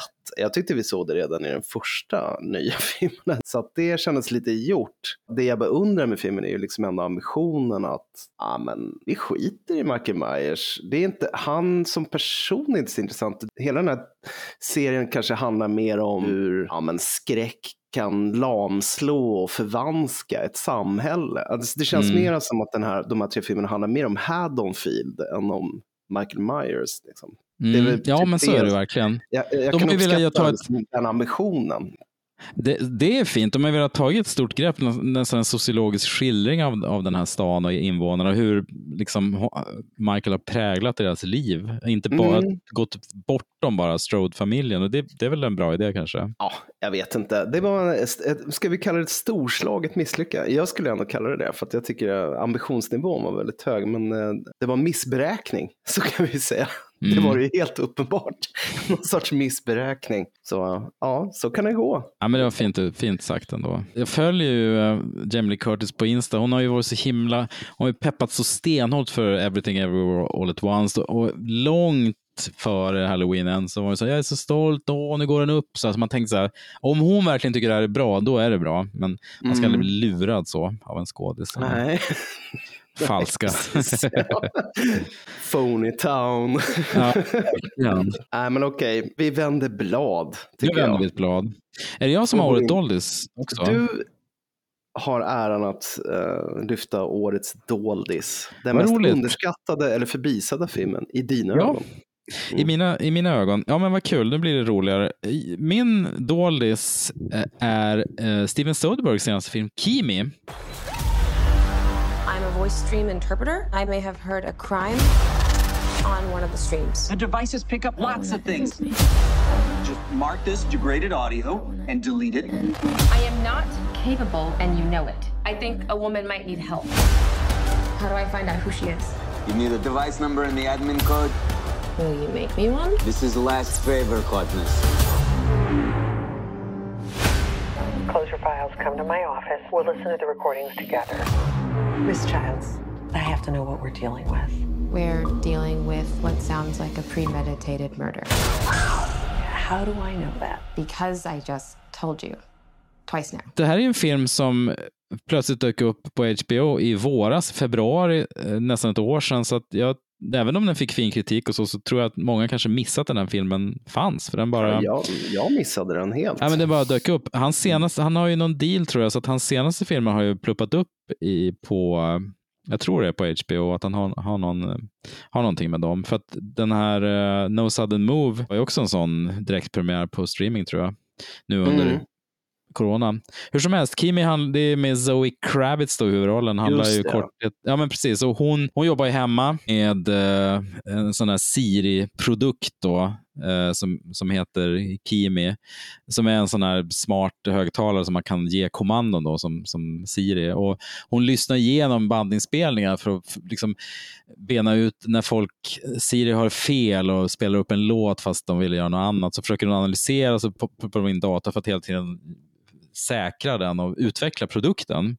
Mm. Men sen en dag så, så i den här in- inspelningen så hör han ju att någon kvinna utsatts, utsätts för hot och kanske blir mördad till och med. Och så börjar den nysta i det här, men stöter på patrull. Och så det här är en klassisk eh, konspirationsthriller eh, skriven Mm. av eh, vår gode vän Köppen, David Köpp. Ja, Cope, som, Ja. Det är Köppen som ju har gjort mycket kul, som vi har pratat om eh, på sista tiden. Sitter just och scrollar igenom hans CV. Han, det är faktiskt han som har skrivit eh, han har varit med och skrivit nästa Indiana Jones. Exakt. Mm. Han står ju tyvärr som solo-manusförfattare på förra Jaha. Indiana Jones. Ja. Vi får skylla på att det var... Det är inga bra bona fides. Nej, det är inget bra, men det var väl var det inte en idé av eh, George Lucas. Det var hans fel. Vi kan alltid skylla på Mm. Lucas. Du jobbar utifrån den här idén. Resten är upp till dig. Men det ska vara ufo i slutet. Nej, men vi var väl lite positiva eftersom Cope gjorde den här You Should Have Left, hans regidebut med Kevin Bacon Ja, som vi tyckte var lite trevlig spökhusrulle. Ja, verkligen. Kevin Bacon. Skits- Ja, men Kevin Bacon är alltid bra. Mm. Nej, men hur som helst, jag ska inte orda så mycket om den här, för att ju, ju mindre man vet, desto bättre. Men det är en, det är en tight eh, thriller, inte så många locations. Det är liksom ett, nä- inte riktigt kammarspel, men nästan. So Kravitz är jättebra. Den är spännande. Sen är jag ju väldigt svag för konspirationsthrillers när en huvudperson märker att alla är ute efter den. Det finns ingen man kan lita på riktigt. Och han är duktig också på teknologi, uh, Steven Soderbergh. Det, kän det känns uh, modernt. Fan, det här låter skitintressant. Det, det här är, ja. det har farit mig förbi totalt. Jo, jag nej, men jag ska se om, ja, det tycker jag. Jag, ska, Ja. jag blir sugen på att se om den, för jag tyckte den var, eh, det här var en film jag hade noll förväntningar på. Jag visste ingenting om den. Tänkte, ja, men, och så affischen är Zoe Kravitz en blått hår, så typiskt hacker med någon luva. Mm. Cool hacker kid. Ja men exakt, vad är det här för gubb-Steven gjort någon så här cool Ja. ungdomstriller, men Kalla mig Nu- e-mail. Precis. Ja. Men jag tyckte den var riktigt, riktigt bra. O- oväntat bra. Så det här är en tight liten thriller som jag varmt kan rekommendera. Ja, fint. på HBO. Mm. Min doldis i år, det är en dokumentär faktiskt, som heter Good Night Oppie. Our whole objective was to build two solar powered rovers that could survive three months on Mars. And the pressure on on the team is really phenomenal. Was Mars once a green world with living things and, and blue oceans? This is the very first time we breathe life into the rover. It's just a box of wires, right? But you end up with this cutish looking robot that has a face. Oh! Oh, it's alive! It's time to fly. Ladies and gentlemen, you are privileged to be in one of the most exciting rooms on Earth at the moment. Rover Diary. The signal from the vehicle is solid and strong. Opportunity is on Mars. What do we do next? Let's hit the road, pedal to the metal, and go see Mars. We see these Ja, dust devils. Ryan White, en lite halvny dokumentärfilmskapare. Och eh, det är ju till viss del en reklamfilm för NASA, men framförallt så är det en upplyftande och fascinerande skildring av de här uh, rover-robotarna, Spirit Opportunity om du minns dem, som for till Mars för Ja. att hitta spår efter vatten. Man ville liksom bevisa att eh, Mars eh, en gång i tiden var en levande planet. De hade ju liksom ett, ett förväntat uppdragsdatum på 90 dagar, men de, eh, i alla fall Opportunity höll igång sig själv i 15 år. Så att det var ju en fantastisk bedrift och de fick in oerhört mycket mer data än de hade räknat med. Alltså, den här dokumentären är ju inte minst ett kärleksbrev just till ingenjörskonsten Mm. på amerikanskt vis ganska sentimental floating heads med gråtmilda ögon som minns tillbaka så här, till olika dramatiska episoder när robotarna strulade där borta på Mars och inte vaknade när de skulle. Och, men man, det, det är så otroligt mysigt, man får så inblick i den här uh, vardagen i kontrollrummet, det här uppdraget som höll igång så länge. Alltså det är verkligen en eloge till uh, människans nyfikenhet och empatiförmåga. För att alla de här uh, forskarna och ingenjörerna, de bildar ju väldigt personliga band till den här uh, roboten Opportunity då framförallt som levde så länge och såg på henne som en vän. Mm. Fint att se hur, hur fort människor humaniserar liksom, Ja. eh, objekt. Mm. så att, och, och, och jättesnyggt rekonstruktioner av ILM, hur de rör sig på Mars yta. Men jag har inte hört någon nämna den här filmen överhuvudtaget. Jag har inte läst någonting om den alls heller. Så att eh, det, för mig var det verkligen en så här, oj, det här har ingen någonsin pratat om. Men jag tyckte den var riktigt, riktigt eh, givande och mysig. Mm. Och eh, även här eh, gav upphov till en liten tår i ögonvrån då och då. Fint. Ja, feel good. Helt Mm. klart. Eh, och apropå det, Ja, vilket segway. film med den högsta mysfaktorn. Mm. Då är det jag som börjar då. då. Jajamän. Ja, här var jag verkligen i valet och kvalet mellan två filmer, men för mig så fick det nog ändå bli, nu kommer en dramatisk paus. Oh, trumvirvel, vilken ska du ta? Nej, men det får bli eh, The Unbearable Weight of Massive Mm. Talent. I'm in position. I think that's the actor Nick Cage. Nick Cage, I love you. Have you seen Cruise 2? I'm 44 years old. Why the fuck would I see Crudes 2? I've seen Face Off and Con Air. What do you guys want? We're with Central Intelligence. Do you know who you're spending time with? One of the most ruthless men on the face of this planet. I need you to help the U.S. government. Let's kill this. Find a way into that room, Nick. Can see myself doing more of this stuff. I think I might have a real gift for it. Good, because we got another mission for you. No, no, no, no, no, no. Your friend is working for the U.S. government. Den har jag fortfarande inte sett. Ja, du har inte det? Nej, jag har inte det. Den står ju på listan, men det har inte blivit av än. Nej, men den är ju eh, regisserad av Tom Gormican. Han kommer också från tv främst. Mm. Gjorde den här tv-serien Ghosted, om någon kommer ihåg den. Nej. Den här filmen handlar ju om Nicolas Cage. Helt Just enkelt. Han, han spelar ju sig själv. Ja, han har karriärproblem, vilket vi alla känner till. Eftersom han har så mycket skulder så tar han ju då på uppmuntran av sin agent an ett så här privat event. Han blir inbjuden av någon privatperson att delta vid en fest eh, som han är ganska motvillig till. Men han ställer till slut upp ändå och blir flugen dit och eh, möter Pedro Pascal som är världen då. En rik man som är ett jättefan av eh, Nicolas Cage. Och filmen är, den tar ju alla möjliga vändningar och det är liksom, uh, det visar sig att Pedro Pascal är vapenhandlare och CIA försöker sätta dit honom och rekrytera Nicolas Cage som agent att, att, som samlar bevis för att sätta dit honom. Den är helt superlöjlig historia. Men det centrala i den här filmen är ju en väldigt rörande vänskapsskildring mellan de här två personerna. Mm. Nicolas Cage som måste sägas bjussar flitigt på sig själv. Alltså det är väldigt mycket elakheter. Och sen Pedro Pascal som verkligen befäster sin position som filmvärldens gulligaste filmstjärna. Alltså han är så himla Han är ju det. god. Liksom. Man, jag hade velat bli bästis med honom också. För mig var det här årets mest rörande filmvänskap. Jag blev jättecharmad av deras eh, personkemi. I övrigt en ganska mysig liten komedi. Det får ses som årets feelgood för mig. Vad fint. Mm. Jag måste se den. Det tycker jag. Gå Ja. och streama. Kul med Cage också. Han dyker upp eh, i vår podd här titt som tätt. Ja, han har en så här intern monolog med sig själv. Han är i konflikt med sitt coola 90-tals-jag som Mm. dyker upp hela tiden i läderjacka och page och ska så här, tvåla till sitt eh, slitna 2000-tals-jag som inte har något självförtroende. Ja, men vad fint. Eh, då är det min feelgood. Jag väljer Confess Fletch som min Mm. mm. feelgood. Och den har jag inte hunnit se. If you did kill that girl, do the right thing and give me an exclusive. Let's talk about the suspects. The Countess de Grazia married Papa for his money. Somehow she's involved. Flesh, you're trying to seduce me. Quite the collection of uh, impressionists you have here. Those are reproductions. That's how we introduce my children. Why did you lie to me? You're becoming paranoid. Maybe you should get a gun. Ja, alltså ja, det där du sa om att du log. Confess Fletch, alltså Fletch, original Fletch är ju jävligt rolig. Eh, och eh, sen har ju det varit snack om en reboot på Fletch länge. Jag läser liksom att Kevin Smith har varit inblandad. Ja, Jason Lee skulle vi göra. då. Exakt, du skulle Jason Lee vara. Och sen skulle Zach Braff kanske vara Fletch. Jason Sudeikis. Det, är- det är verkligen samma stuk så här godmodiga, Mm. eh, men ändå ganska syrliga snubbar.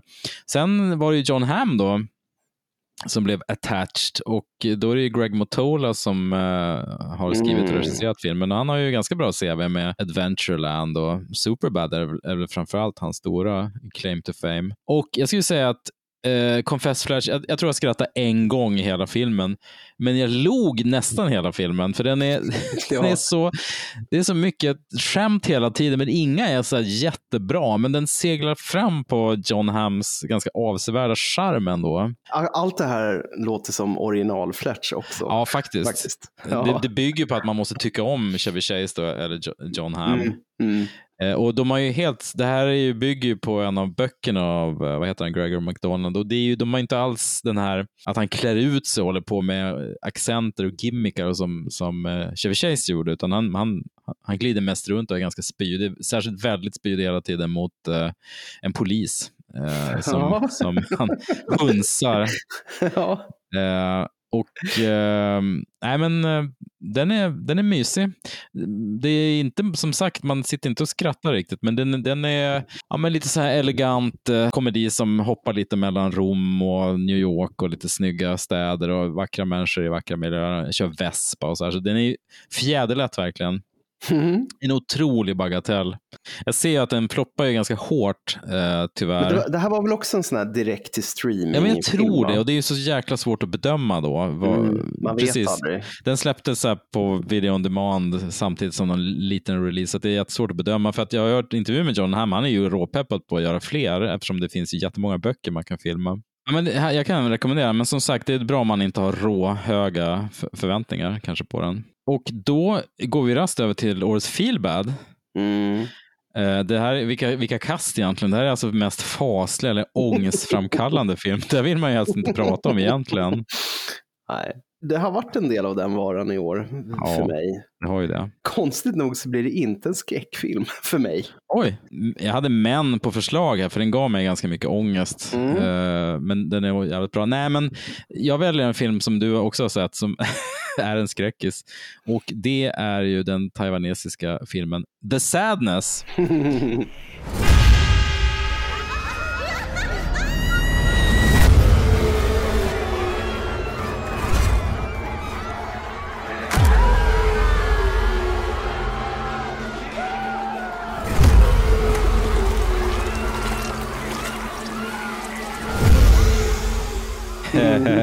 som vi såg tillsammans här för någon, någon månad sedan. Mm. Eh, Det här är ju en pandemi eller zombierulle eh, egentligen eh, av Rob Jabaz. Som väl är, han är ju inte, vad är han egentligen? Kanadensare tror jag. Ja, men precis.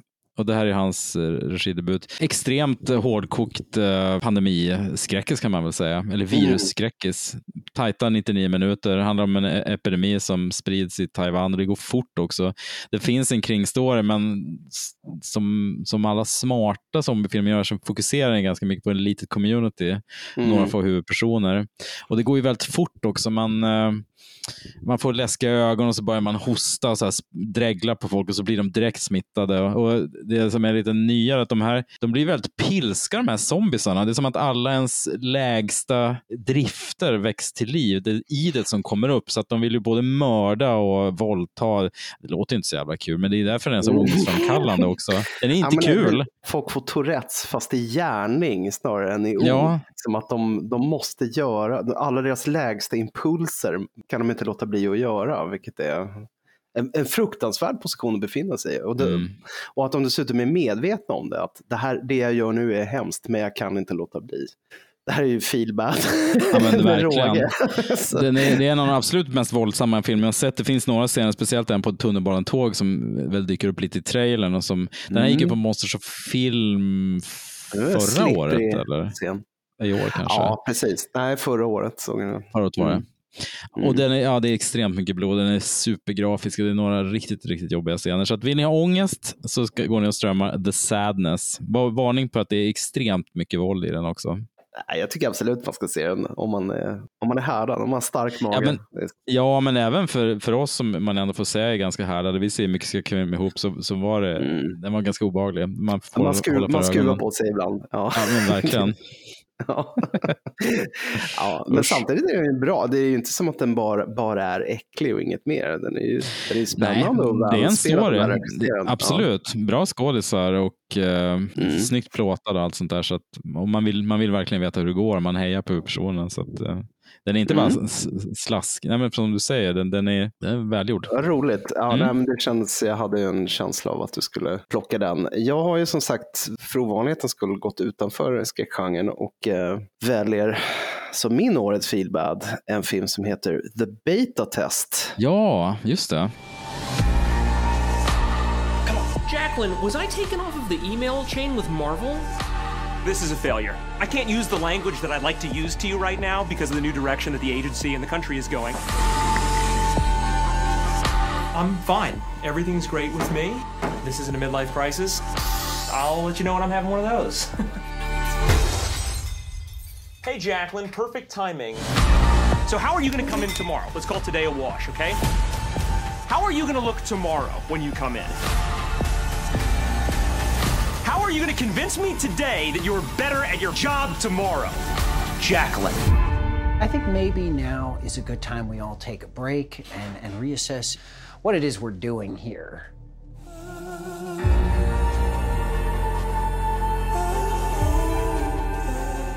Av uh, Jim Cummings, en Mm. eh, ganska intressant filmskapare och skådespelare som, Mm. eh, tror vi har pratat om hans eh, The Wolf of Snow Hollow som kom för Mm, ett par år sedan. Men i den här filmen, The Beta Test, då följer vi Jordan som är en, ska vi säga, ganska spänd och förbikörd Hollywood-agent med ett minskande klientel som uh, ja, han kämpar väl på något sätt för att vara relevant fortfarande i, i nöjesindustrins lägre skikt. Mm. Uh, och uh, en vacker dag så dimper det ner ett lila brev som han öppnar och det är en, en invit till en, uh, ett anonymt sexmöte. Mm, precis. Som han tycker det är kittlande. Så att han eh, tar sig till det här mötet och, och har eh, en väldigt förlösande sexträff, men som tyvärr är anonym då. då. Men han, så han blir ju besatt av att få reda på vem den här hemliga kvinnan var i, ja vad är han, han har väl någon sorts förhoppning om att stilla sin oro över felaktiga livsval. Det är väldigt tydligt att han tycker att han förtjänar något bättre egentligen än, än sin fästmö sin, och sin karriär i största allmänhet. Han är helt odräglig som figur. Ja. Så på många sätt så är ju hans rollfigur en, en sorts pandang till uh, Renate Reinsves uh, rollfigur Julie i mm. Triers Världens värsta människa. Hon hade ju lite samma problem med att committa till saker och ting. Film som vi, jag tror vi lyfte förra året som bästa nordiska film. Va? Mm, det gjorde vi. Ja. ja, nej men det här är ju precis som i Uncut Gems, en film som ger eh, publiken ett, ett smärre nervsammanbrott. Eftersom han, han försätter sig i så olidligt pinsamma situationer gång på gång. Antingen på grund av genomskinliga lögner eller ja, bara ett allmänt gränslöst beteende i sin uh, jakt på antingen ragga kunder eller uh, att få reda på vem den här uh, kvinnan var som han hade fantastiskt sex med. Så mm. man sitter bara och skruvar på sig en och en halv timme. Jag tyckte den var otroligt jobbig att titta mm. på. Ja, det är så hemskt när folk blir påkomna med kassalögner och sånt mm. där. Det är, han är väldigt bra på att gestalta det. Och sen så mm. sammanbiten också, spänd som jävla stålfjäder igen i hela filmen. ja, men det är kul med Jim Cummings. Han, um, jag läste någon, eller Letterbox har ju han gjort en intervju med Ruben Östlund Mm. Där vi, vi sammanför två regissörer som typ beundrar varandra. Eller, i och sig, eller det gick åt ena hållet. Cummings tyckte ju Ruben var ett geni och sådär. Men kom mm. att tänka på det att han, han, gör två ganska tajta filmer och, och sen kanske han får lite mer pengar och lite mer självförtroende. Så slänger han bara ut en massa idéer. För Beta Test är verkligen många idéer. Som, ja, allt, det är det. allt lirar kanske inte riktigt, men Nej. den är fascinerande att se. Sen ska du säga också den här filmen är otroligt förvirrande eftersom första scenen är en scen med Christian Hillborg och Malin Barr som, som sig ja, på svenska. Två svenskar som käkar middag ja, och den ena blir mördad brutalt. Ja, och det var så, vad, vad är det som händer? Jag förstod ingenting. Nej. Det var väldigt märkligt. Det tog ett tag innan jag förstod. Vad fan, det är ju Christian Hillborg. Varför pratar de svenska? Väl, jättekonstigt. Ja. Sen förstår man lite senare hur allting hänger ihop. Men det är chockstart för oss svenskar. Ja, faktiskt. Mycket märkligt. Ja, den går också att se på VOD, så att, mm. Eh, den kan man ta en titt på. Och bra. framförallt hans, hans tidigare filmer också. Ja, Wolf of Snow Hollow måste ni se, den är riktigt mm. bra. Mm. Ja, fint. Då går vi in på årets upptäckt. Ja. Film vi såg i år för första gången, mm. men som gjordes ett tidigare år. Då ska vi lyfta en riktig doldis. det är en, en film som heter The Ghost of Sierra de Cobre. Mm -hmm. kom 1964 i um, regi av Joseph Stefano som eh, kanske låter bekant för han skrev manuset till Psycho Just det. åt eh, Hitchcock.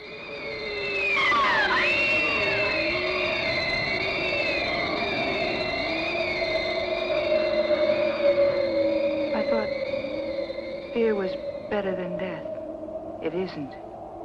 It's only slower.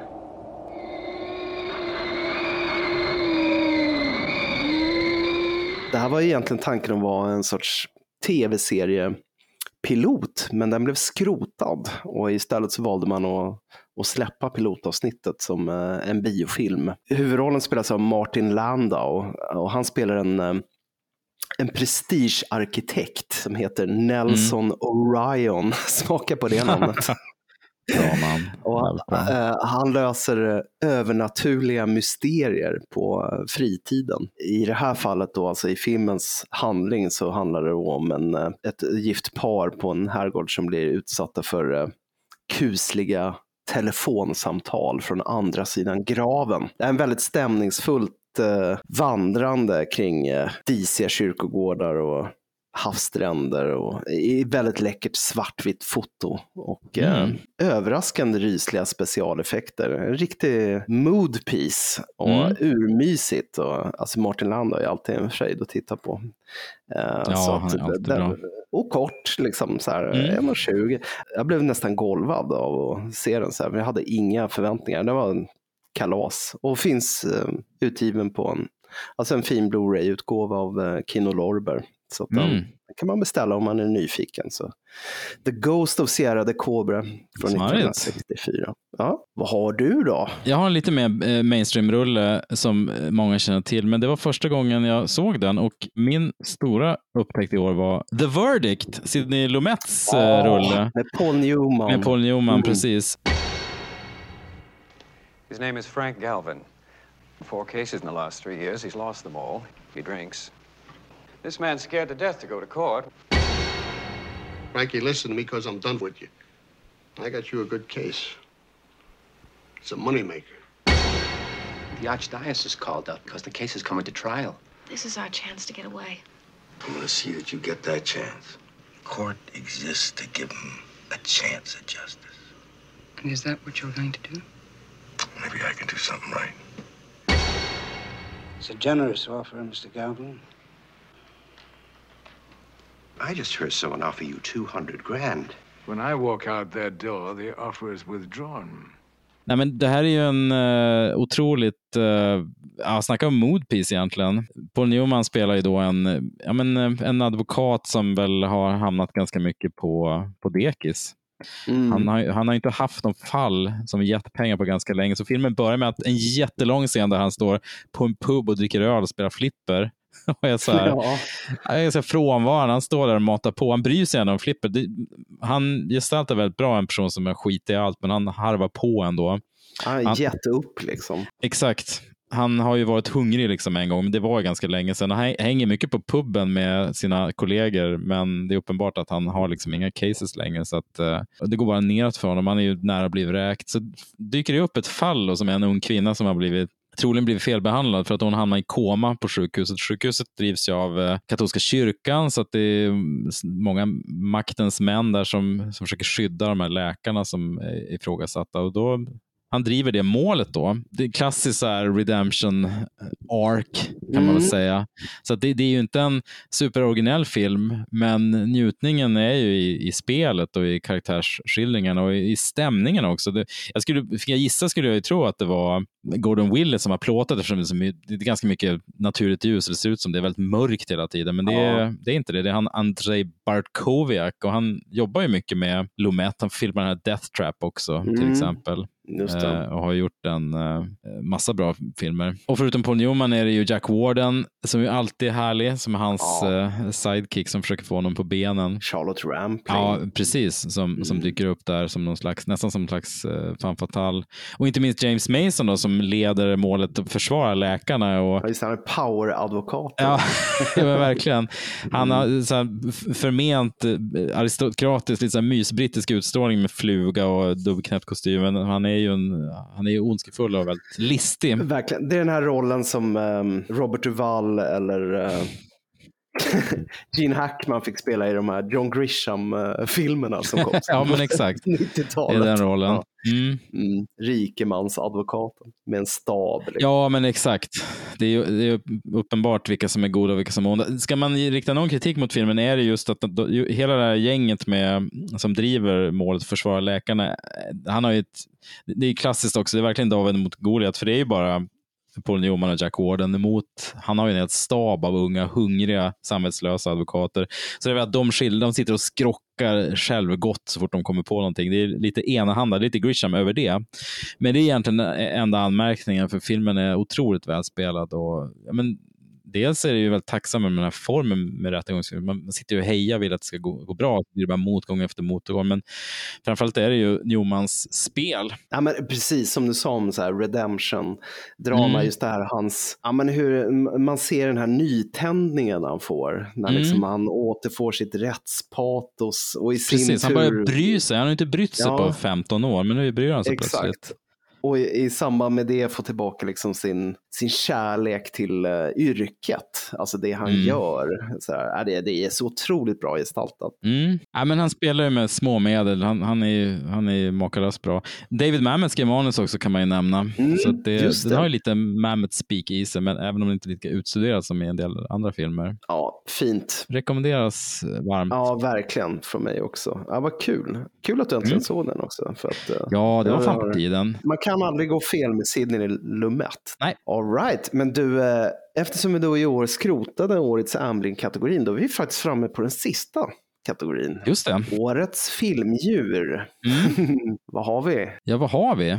Ja, vad har vi där egentligen? För att knyta ihop säcken lite, vi pratade lite om Pixar och Disney i början, så kommer jag faktiskt välja en Pixar-film och det är den här Turning Red. Ja, just det, den här pandan.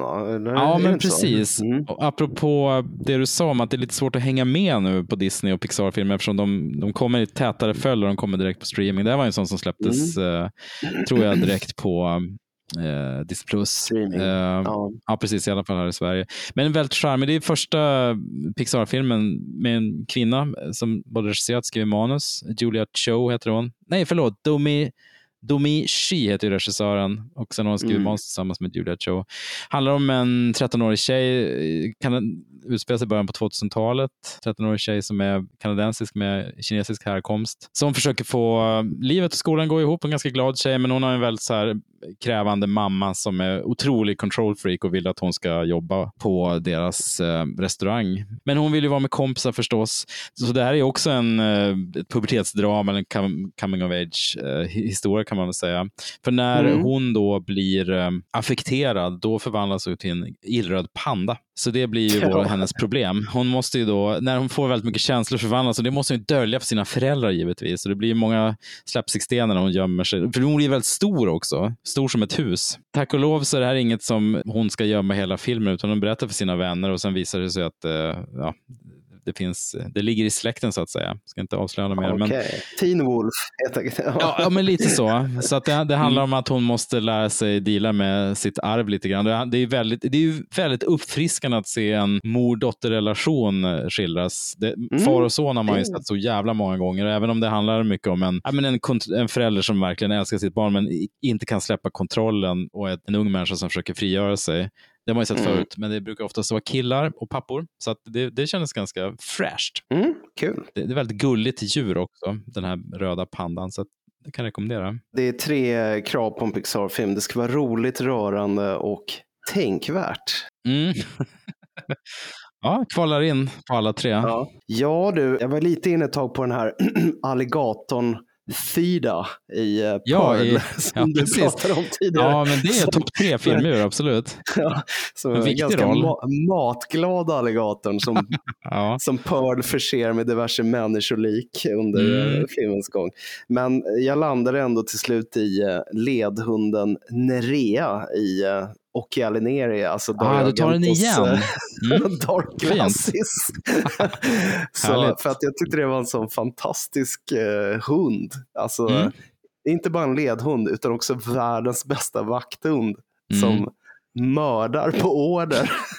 Ja, Nej, det- precis. jag tyckte det var det är en hund man vill ha. Liksom. Det är Ja, en livskamrat av Guds nåde. Så att, Mm. eh, nej, det får bli Nerea helt enkelt. Det är kul att eh, alltså, hundar förekommer väldigt ofta i Argentos filmer. Han verkar vara väldigt, tycka om hundar helt enkelt. Ja men vad härligt, vilken, Mm. eh, vilken mysig summé. Jag tycker vi fick ihop en ganska bra lista här. Ja, men det tycker jag också. Som vanligt ska tilläggas. Eh, vi får väl eh, summera det här i någon sorts lista på Letterboxd som vi kan dela. Så folk kan gå in och titta sen i. Precis. Det är, många, det är många filmer. Vi hade bara ett overlap på Barbarian, va? Och du tog Ja. eh, Dark Glasses två gånger.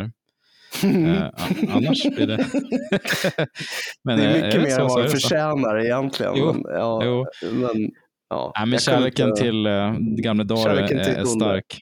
Ja, den är Det räcker att han 80 hundar. levererar en högst habil film så, så blir man väldigt glad. Då är det nämnvärt. Och hundar också. Mm, Ja. Absolut. Tills vidare så önskar vi er en underbar högtid. Ja, men det gör vi. Vi eh, återkommer snarast med en fortsättning i vår seriesvit kring eh, Steven Spielbergs filmkarriär. Jajamän. Hej då! Hej då.